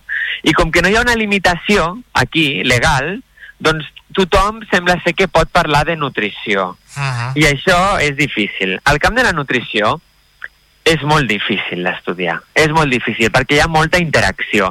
Què vol dir? Que tu quan menges, menges un munt d'aliments alhora. Els barreges. Tenen un munt de nutrients. Aquests nutrients tenen interacció amb cada cos de manera diferent. No només si ets home o dona o iaio o nen, sinó que ja cada intestí és un món. Després està en el moment en el que ho menges, amb les teves hores de son, amb si fas activitat física o no o exercici. Aleshores, si no donem missatges científics, és molt fàcil que la gent digui «Ai, la dieta cetogénica es fantástica para perder peso. ¡Ay! El ayuno intermitente es fantástico para la pérdida de peso. Dic pérdida de peso com, com, una, com un exemple, uh -huh. ¿vale? Però realment el que s'ha de fer aquí és trobar l'evidència científica d'això. Aleshores, jo ja sempre ho explico així. La persona que no, només escolta els missatges de salut per xarxes socials ma, té un elevat risc, d'acord, de caure en error. Però per què? Perquè aquest missatge s'està donant a nivell poblacional. I una, una, una recomanació poblacional, eh, que pot estar ben donada o no, no serà personalitzada. D'acord? I cada persona, com he dit, és un món. I tant. Jo, tinc molts companys que són eh, influencers, d'acord? Eh, eh, fins i tot, eh, o sigui, bueno, ni, ni més ni menys que el Carlos Ríos de la, de la marca Real Fooding. Sí. Eh, hem, hem compartit eh, eh, amb congressos, fet xerrades, d'acord? I aleshores, què passa? Que ell, almenys, eh, et diu l'evidència científica eh, del que està promovent. Però a vegades també hi ha missatges que s'han donat de manera errònia. I això ha provocat que la comunitat científica l'ataqui. Uh -huh. És un tema molt difícil de portar a les xarxes socials, a la que hi ha molta pressió, a la que has de crear un contingut diari perquè si no et deixa de seguir la gent, i un contingut que sigui amistós, però que alhora sigui alarmant per cridar l'atenció. Perquè si no crides l'atenció, bueno, tu bé ho saps. Què passa si a la ràdio no foteu un titular bo? Pues que no ens escolta ningú. Exacte. Uh -huh. I els influencers han de fer soroll. I tant, i tant. Eh, els influencers, eh, com has dit tu, n'hi han de bons, però després estan els de, els de lifestyle, els que vi, publiquen la seva vida i, i diuen, a mi menjar mm, semilla de cànyamo me va molt bé i, i potser darrere també hi ha eh, pràctiques que I són... tant, conflicte d'interès. Exacte, eh, que ja estan pagant eh, per, per promoure els seus productes. I tant, però Toni, dic una cosa, això realment és il·legal. És a dir, és que és il·legal. Difondre segons quins missatges de salut amb al·legacions nutricionals que no estan permeses a nivell europeu eh, és un delicte. El que passa és que, bueno, que està tan normalitzat i hi ha una falta de control, no? Al igual que hi ha la mateixa falta de control amb, jo què sé, amb, amb el porno, d'acord? Sí. És a dir, el tema dels controls parentals. Doncs amb això també, todo el mundo puede decir, saps? El, el, el, els influencers, eh, no sé, és que jo, bueno, és igual, posem algun exemple, no són públics, però es pot parlar. Hòstia, a mi que, per exemple, eh, la Maria Pombo dongui una recomanació nutricional i que aquesta re recomanació nutricional sigui errònia, dius, mare meva, però què està passant aquí? Saps? Això no pot ser. Sí, sí, sí. Per què no es fa bé? Per què no es fa bé i aleshores que gravi en directe una consulta personalitzada que se li està fent amb ella i aleshores s'escolti a la dietista que li està explicant amb les referències científiques, és a dir, si jo no ho prohibeixo, o que diguin, esto es mi consejo y no tiene ninguna validez científica. ¿Vale? Lo que, lo que si està pagat per una empresa, això també és obligatori dir-ho. És obligatori. Sí, sí. Eh. Aleshores, aquí, aquí és, bueno, si tu ja veus l'empresa que hi ha darrere, doncs, òbviament, no estem parlant ja de mil d'euros. És que estem parlant de cinc xifres. Aleshores, què passa? Que tot el món tiene un precio. No parlo ara de la Maria, eh, en aquest cas. No, no, no, no, no tot, tot. En general, he posat un exemple. No, no, i un exemple, un exemple claríssim, claríssim. I després que comencen a, a, a dir productes com eh, baobab, moringa, eh, lúcuma, eh, semilla de lino, açai, Sí, eh, sí, sí. aceite de coco... Glu... Ah, que molen. Els que molen. Es que no conquistas nada con una ensalada. Gran frase dels Simpsons. Total, Comencen a dir tots aquests productes eh, que, que, que, com dius tu, eh, de proximitat no, no crec que siguin. Bueno, hi ha, hi ha algun que sí, però no. La gran majoria no. Venen de fora i l'impacte de la huella de carbono és elevat i el, el, el gast energètic per portar-ho fins aquí, sí, sí, sí, sí. Sí, és un, és un altre tema, però és una pena, no, això? És una pena, perquè jo conec a molts dietistes que tenen una, una, una capacitat de divulgar missatges eh, de manera molt ben feta, o inclús els grans investigadors, no? És a dir, una, una debilitat que té molt forta la comunitat científica, ¿vale? en la qual jo estic posada dins, es, muy bien, queridos amigos investigadores, nos hemos gastado un millón de euros en investigar eh, este ingrediente para la pérdida de peso. Pero esto, este mensaje, com està arribant a la població? No arriba, no arriba, perquè sí, hi ha gent que llegeix el diari, però la gent està a les xarxes socials. I aquesta difusió, que ara és obligatòria quan presentes projectes i tal, no s'acaba de fer de manera ben feta. És a dir, els influencers, jo mira, quan feia les xerrades ara fa temps, eh, que no faig parlant sobre aquest tema, sempre no explicava que hi havia un cercle que es diu el cercle de l'excel·lència. Uh -huh. El cercle de l'excel·lència és una unió entre la indústria alimentària, la comunitat científica i els influencers. Si aquests tres eixos no estan ben comunicats, dona igual el resultat que surti. Saps? Perquè cadascú interpretarà la seva manera. La comunitat científica publicarà i ningú s'enterarà dels resultats. La indústria alimentària mirarà pels seus interessos i traurà el producte que li surti dels pebrots. D'acord? Bueno, ojalà fos en pebrot només, però no. I després els influencers van a su bola. Van a su bola total per un tema, per un tema d'interessos propis. Per tant, si no hi ha una unió i es tanca aquest cercle, mai, mai s'aconseguirà l'excel·lència. A mi em crida molt l'atenció eh, per tancar a Guille aquesta xerrada eh, per exemple, un influencer com és el Chocas que ha invertit bona part dels seus diners en la indústria alimentària eh, ha creat una marca pròpia de menjar sí. a domicili, que te'l porten a domicili I, i, i, i, ell, i fins i tot es veu com ell eh, bueno, cuina la resta de la gent però ell s'involucra i, i, i ho presenta Ah, que guai, no, no ho coneixia. Mm, eh, no, no recordo el nom, però, però és una indústria, la indústria alimentària, que genera mm, moltíssims diners. Fins i tot els influencers, com hem dit, el Xocas, que, que hi fica els seus estalvis. Però a mi em sembla bé això. Clar que sí, cadascú inverteix els diners on vol, però que es faci bé. És a dir, jo ho desconec, eh? Però el tema de que hi hagi l'opció de menjar tan saludable com no saludable a domicili em sembla bé. I el que no m'agradaria és que la gent perdés la, la, la tradició de cuinar, d'acord? Perquè això si no és algo que es perdrà i les, les, noves generacions doncs no sabrem cuinar. Però sí que és veritat que moltes persones al dia a dia ens arrolla o simplement no ens agrada. Aleshores, tindre l'alternativa i si el Xocas eh, ha fet el, aquesta nova marca i tu pagues i t'aporten a casa i és sostenible i és saludable i promou el comerç just, no? Que mireu el que està passant ara, que és una vergonya. És que és una vergonya. Mira, aprofito que estic a la ràdio. És una vergonya el que està passant amb els agricultors. I tant. Doncs, doncs clar,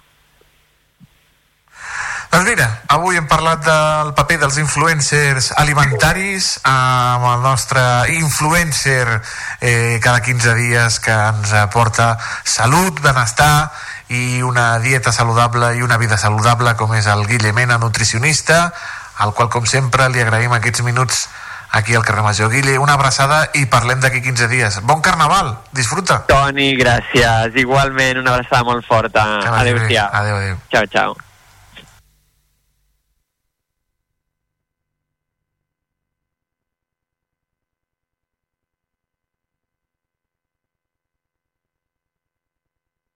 Anem de carnaval, no? Som-hi, Toni Mateus. Ep. Carnaval, car... Molt bé, molt bé, Toni. Gra gràcies al Guille Mena, el nostre nutricionista de capçalera d'aquí del carrer Major. I nosaltres anem amb la secció dels Tonis quan són gairebé 6 minutets per arribar a tres quarts. Eh, Antonio, bona tarda. Bona tarda, Toni Mateus. Què tal, com estàs? Espectacular, com sempre. Preparat pel carnaval? Sempre, Anem jo fer, sempre. Anem a fer un tomb Ai, per la península ibèrica o què? Veient a veure quins són Sí. els carnavals més famosos d'aquesta d'aquest eh, nostre contrada, la nostra gran península ibèrica. Doncs mira, anem a veure quin... I, i, i les Canàries, també, no ens deixem les I les Canàries, les Canàries, sí, sí, sí. El territori espanyol, A diguem veure, a, veure, a veure quins són els millors carnavals. Avui t'hem fet una selecció a l'Eix i a tots els nostres oients dels és. millors carnavals de, de l'Estat. I per on comencem, Antonio? Doncs cap a Andalusia, anem cap a Cádiz. Hombre! Som-hi.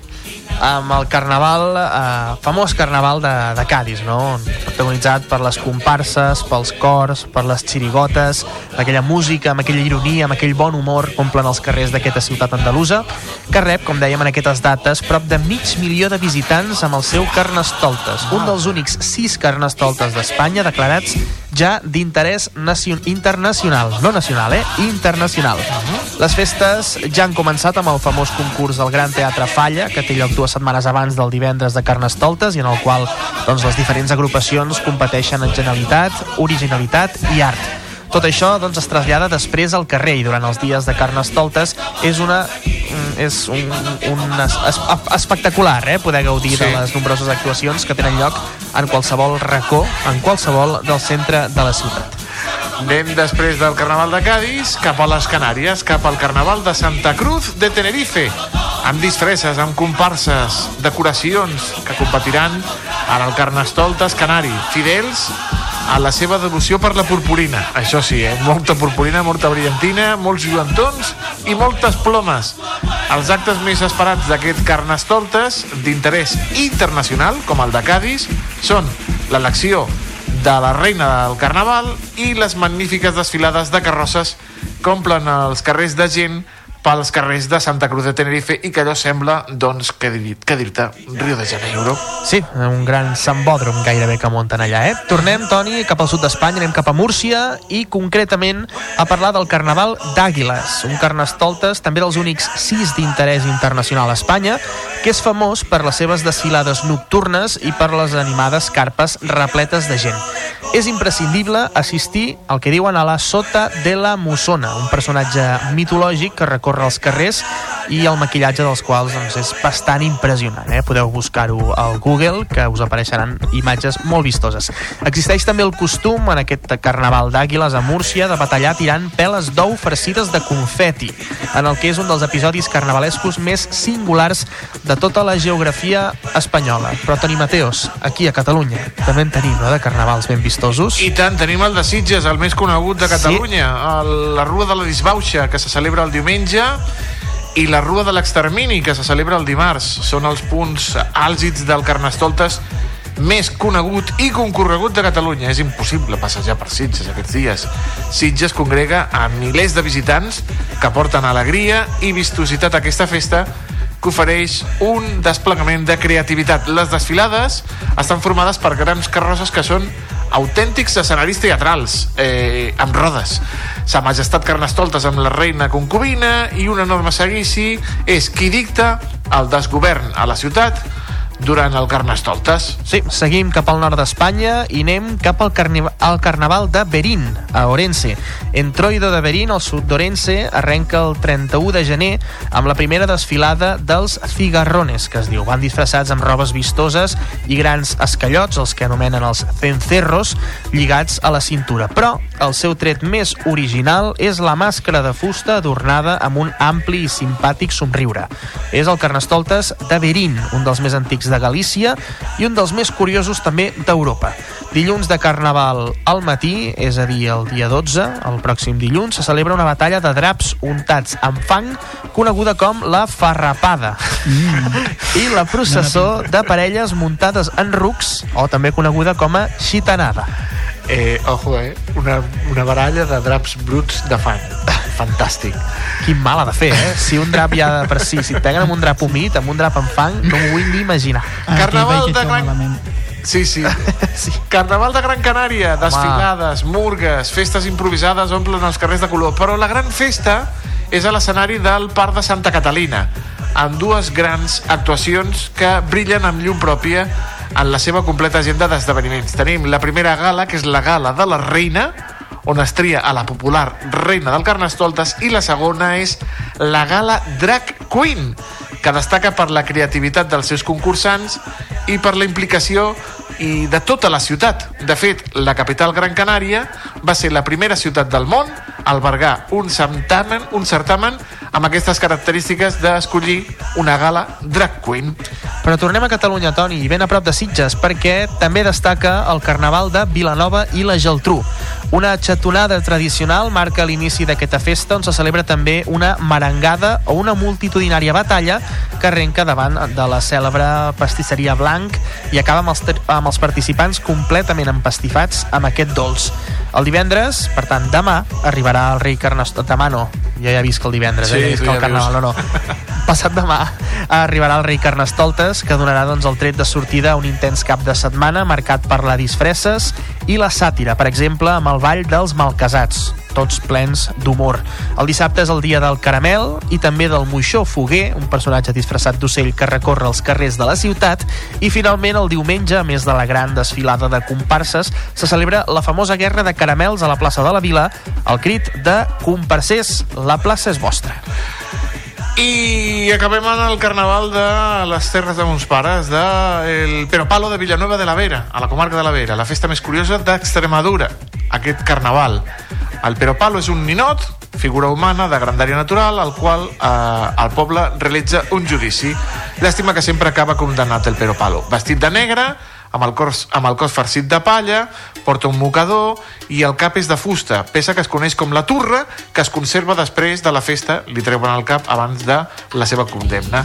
El ninot és portat en possessió al poble i li fan la judià, que es consisteix en mantejar el pero palo mentre la gent crida i es burla i diversos grups de persones toquen tambors.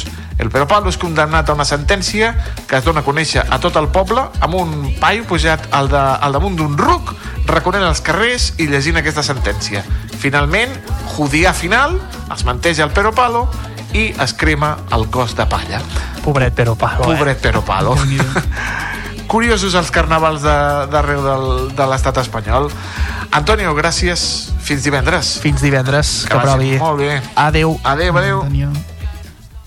Les realitats del Camp de Tarragona Carrer Major. Anem amb la furgoneta. Anem ràpid amb la furgoneta perquè se'ns tira el temps al damunt i ja ens està pitant la Cristina Artacho demanant-nos pas amb la seva furgoneta. Eh, fins on han anat avui? Anem a preguntar-li. Cristina Artacho, bona tarda. dia més aquí a la Furgo. Avui sóc al- a l'Institut Antoni Martí Franquès de Tarragona, concretament al despatx del director, i m'acompanya precisament el Jordi Satorra, que és el director del centre. Fa uns dies, fa unes setmanes, el Consell Escolar va dir que a partir del curs vinent, del 24-25, hi haurien noves restriccions pel que fa als telèfons mòbils. Han anunciat que a primària estaran absolutament prohibits, a l'ESO s'obligarà a apagar-los i al batxillerat sí que l'ús estarà més, eh, serà més obert i serà responsabilitat dels estudiants. Hem convidat avui el Jordi perquè ens expliqui una mica la perspectiva de com s'han rebut aquestes noves instruccions als centres escolars. Molt bona tarda, Jordi. No sé com heu rebut la, la notícia i, i com actuareu a partir d'aquí. Bé, bona tarda. Bé, és una notícia d'aquestes que més o menys te les esperes i que bueno, portem un cert debat molt, molt mediàtic i molt conduït, no? Jo dic la batalla de l'hora del pati, no? que sembla que tota l'hora del pati passen totes les coses que, que, que passen de maldat amb els telèfons mòbils i segurament no és així.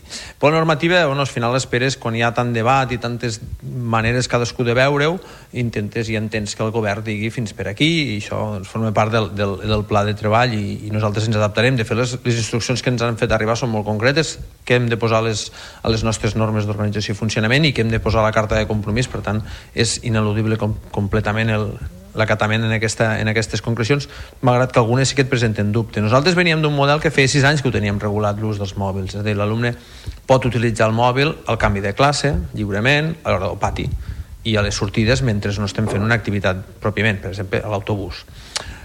Amb la nova normativa, que s'aplicarà doncs, a partir del curs que ve, sí que veiem unes restriccions que ens afecten, sobretot a l'ESO, el batxillerat en principi ho deixaríem tal qual perquè la regulació que han proposat des del govern s'ajusta a la que nosaltres teníem que tenen més autonomia, però sí que l'ESO sobretot és això.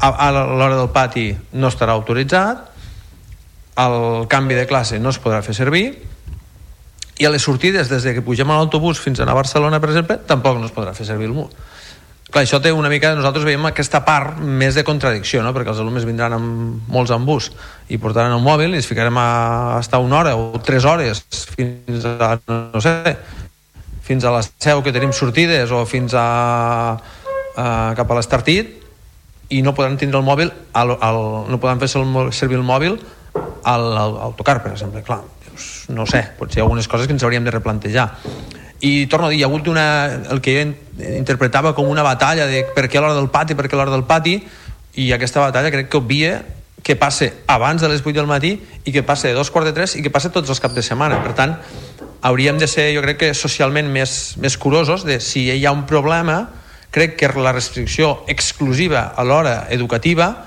no deu, no deu solucionar els problemes perquè els problemes hi són, per desgràcia i, i el que hauríem de tenir és una amplitud de mires, no? de, de que això no, no, no ho estem fent prou bé com a societat, el, el, els instituts i les escoles i tothom hem de fer la nostra feina de divulgació i de ser molt més concrets i, i veure on estem fallant o on podem reforçar-nos, això nosaltres ho estem fent, perquè ningú n'és ensenyat i sempre vols, vols estar al dia, però sí que és veritat que socialment cal un canvi.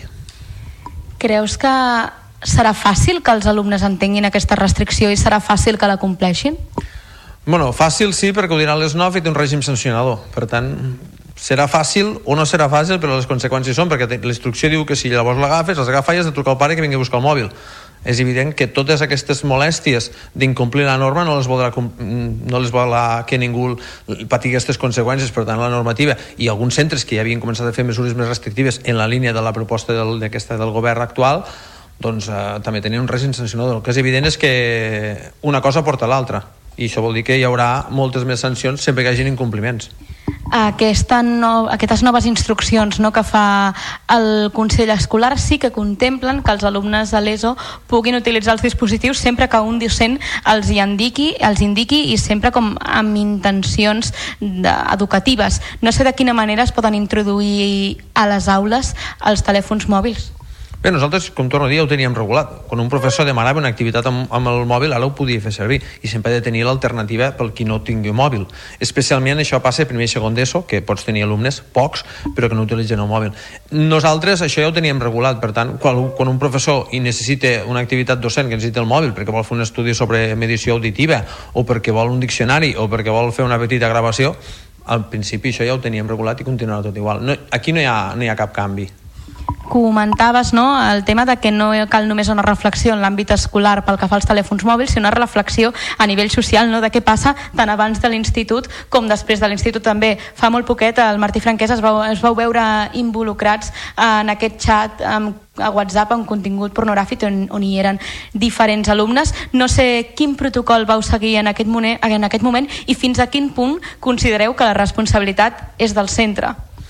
Bé, nosaltres vam seguir el protocol, quan se va detectar, la professora que ho detecta, doncs m'ho comunica i jo un cop analitzades les imatges ho, ho, ho, ho trasllado directament als Mossos d'Esquadra doncs, per- ten- nosaltres fem el blocatge d'aquesta informació per poder ser traslladat com a prova en els processos que facin ells d'investigació i ho comunico també als, al director dels serveis territorials perquè, clar, és evident que és una situació anòmala. El que ens passa aquí és el que, el que estem dient, no? que hi ha, un, bueno, hi ha una responsabilitat. Nosaltres, en l'educació ens hi cap tot, tothom se pensa que ho hem de fer tot i això és impossible perquè no tenim prou hores de tot i potser ens hem de centrar molt més en la nostra part pedagògica, però és evident que hem de col·laborar en tot. Però això no vol dir que tinguem responsabilitat. Segons el Codi Civil, els responsables dels telèfons mòbils són els pares. Per tant, quan un pare compra un telèfon mòbil i l'alumne és menor, és la seva responsabilitat, no la nostra. I el que han de fer és el que veiem, el que hauríem de fer, s'hauria de fer molt més, és que nosaltres el que detectem és que hi ha molts alumnes que no tenen cap informació d'allò aquell instrument que els hi han donat, que és un instrument molt potent per moltes coses, que és molt útil, que realment ha de tenir una vessant pedagògica perquè és necessària, però és una porta oberta al món. És insòlid que puguem ficar eh, pins eh, per, per accedir a un canal de televisió a casa, però al mòbil hi ha una mena de deixadesa de funcions dels, de moltes de les famílies que ni es preocupen de res del que hi ha, del que on accedeix, del que deixa de passar, fins a quina hora estan amb els telèfons mòbils, quins que estan consumint, quin consum audiovisual, de quin tipus. Aquí ningú es vol fer aquesta pregunta perquè hi ha una mena de, de bonisme i jo fins i tot afegiria d'hipocresia social. No? En canvi, això sí, l'hora del pati, obsessió amb l'hora del pati i que no agafin el camp, quan surtin d'aquí si van en bus cap a casa sí, i si anem a Barcelona doncs que no agafin un bus, crec que és un error. Crec que ens cal una reflexió i crec que els, les famílies, les que ja ho fan doncs felicitats, però les altres crec que han de fer un pas endavant en la, en la que és el control, el control eh, d'aquest dispositiu que té moltes bondats però que té doncs, eh, una capacitat de fer mal molt gran Des dels centres educatius ja treballeu per fer consciència amb tot el tema dels dispositius, és a dir, vostè creu que aquesta consciència ha de començar a casa? Sí, això és, no sé, si, si en lloc de parlar de mòbils eh, eh, parlem d'alcohol, ara hem prohibit que de les 8 a dos quarts de 3 no es pot beure alcohol. Ningú et diu, doncs, què passa abans de les 8, què passa dos quarts de 3 i què passa tot el cap de setmana. I tota la pressió cap al Departament d'Educació i, van, i a banda també cap als instituts. Jo crec que la reflexió és, si tu dones un instrument com és aquest, que té bondats i maldats, a, a un menor, perquè els estem nosaltres veient, que estan que hi ha grups de WhatsApp que els afegeixen, que hi ha contingut que és clarament ofensiu, inadequat, un inadequat per edat i l'altre inadequat en tots els contextos i fins i tot delictiu tenir-lo al mòbil i aquí ningú, ningú opina. Ni els alumnes que els han fet reflexions i tutories eh, actuen i diuen eh, tinc una cosa que no toca, això ho vull denunciar jo. Ni hi ha les famílies tampoc aquesta reacció o bona part de les famílies, per tant anem vigilant que després venen les conseqüències que després passen coses i no estem en l'alar- l'alarma que hauríem d'estar en un, en un cas o en uns casos que crec que no hem, de, no hem de baixar la guàrdia. Nosaltres reforçarem, nosaltres hem reforçat també tota la part d'acció tutorial, que ja la teníem, però continuem fent. Per sort també tenim els Mossos d'Esquadra que sempre ens ajuden en tot. Tot molt interessant el que ens estan explicant des de l'Institut Martí Franquès, però el temps ens tira al damunt, amics i amigues. Eh, hem arribat al final del nostre programa. Aleix, com sempre, moltes gràcies per acompanyar-me aquesta tarda aquí al carrer Major. Ens veiem demà. Res, un plaer, com sempre, Toni. Ens veiem demà. I vostès, ja ho saben, tenen una cita amb les 8 emissores del Camp de Tarragona i la xarxa de comunicació local aquí, al carrer Major, de 4 a 6. Fins demà.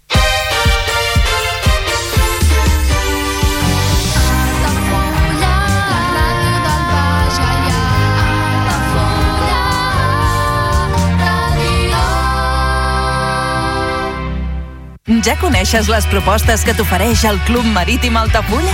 Vine i descobreix totes les nostres activitats. Sortides en caiac o pa del surf, cursos de vela per a totes les edats. No t'ho perdis. Club Marítim Altafulla.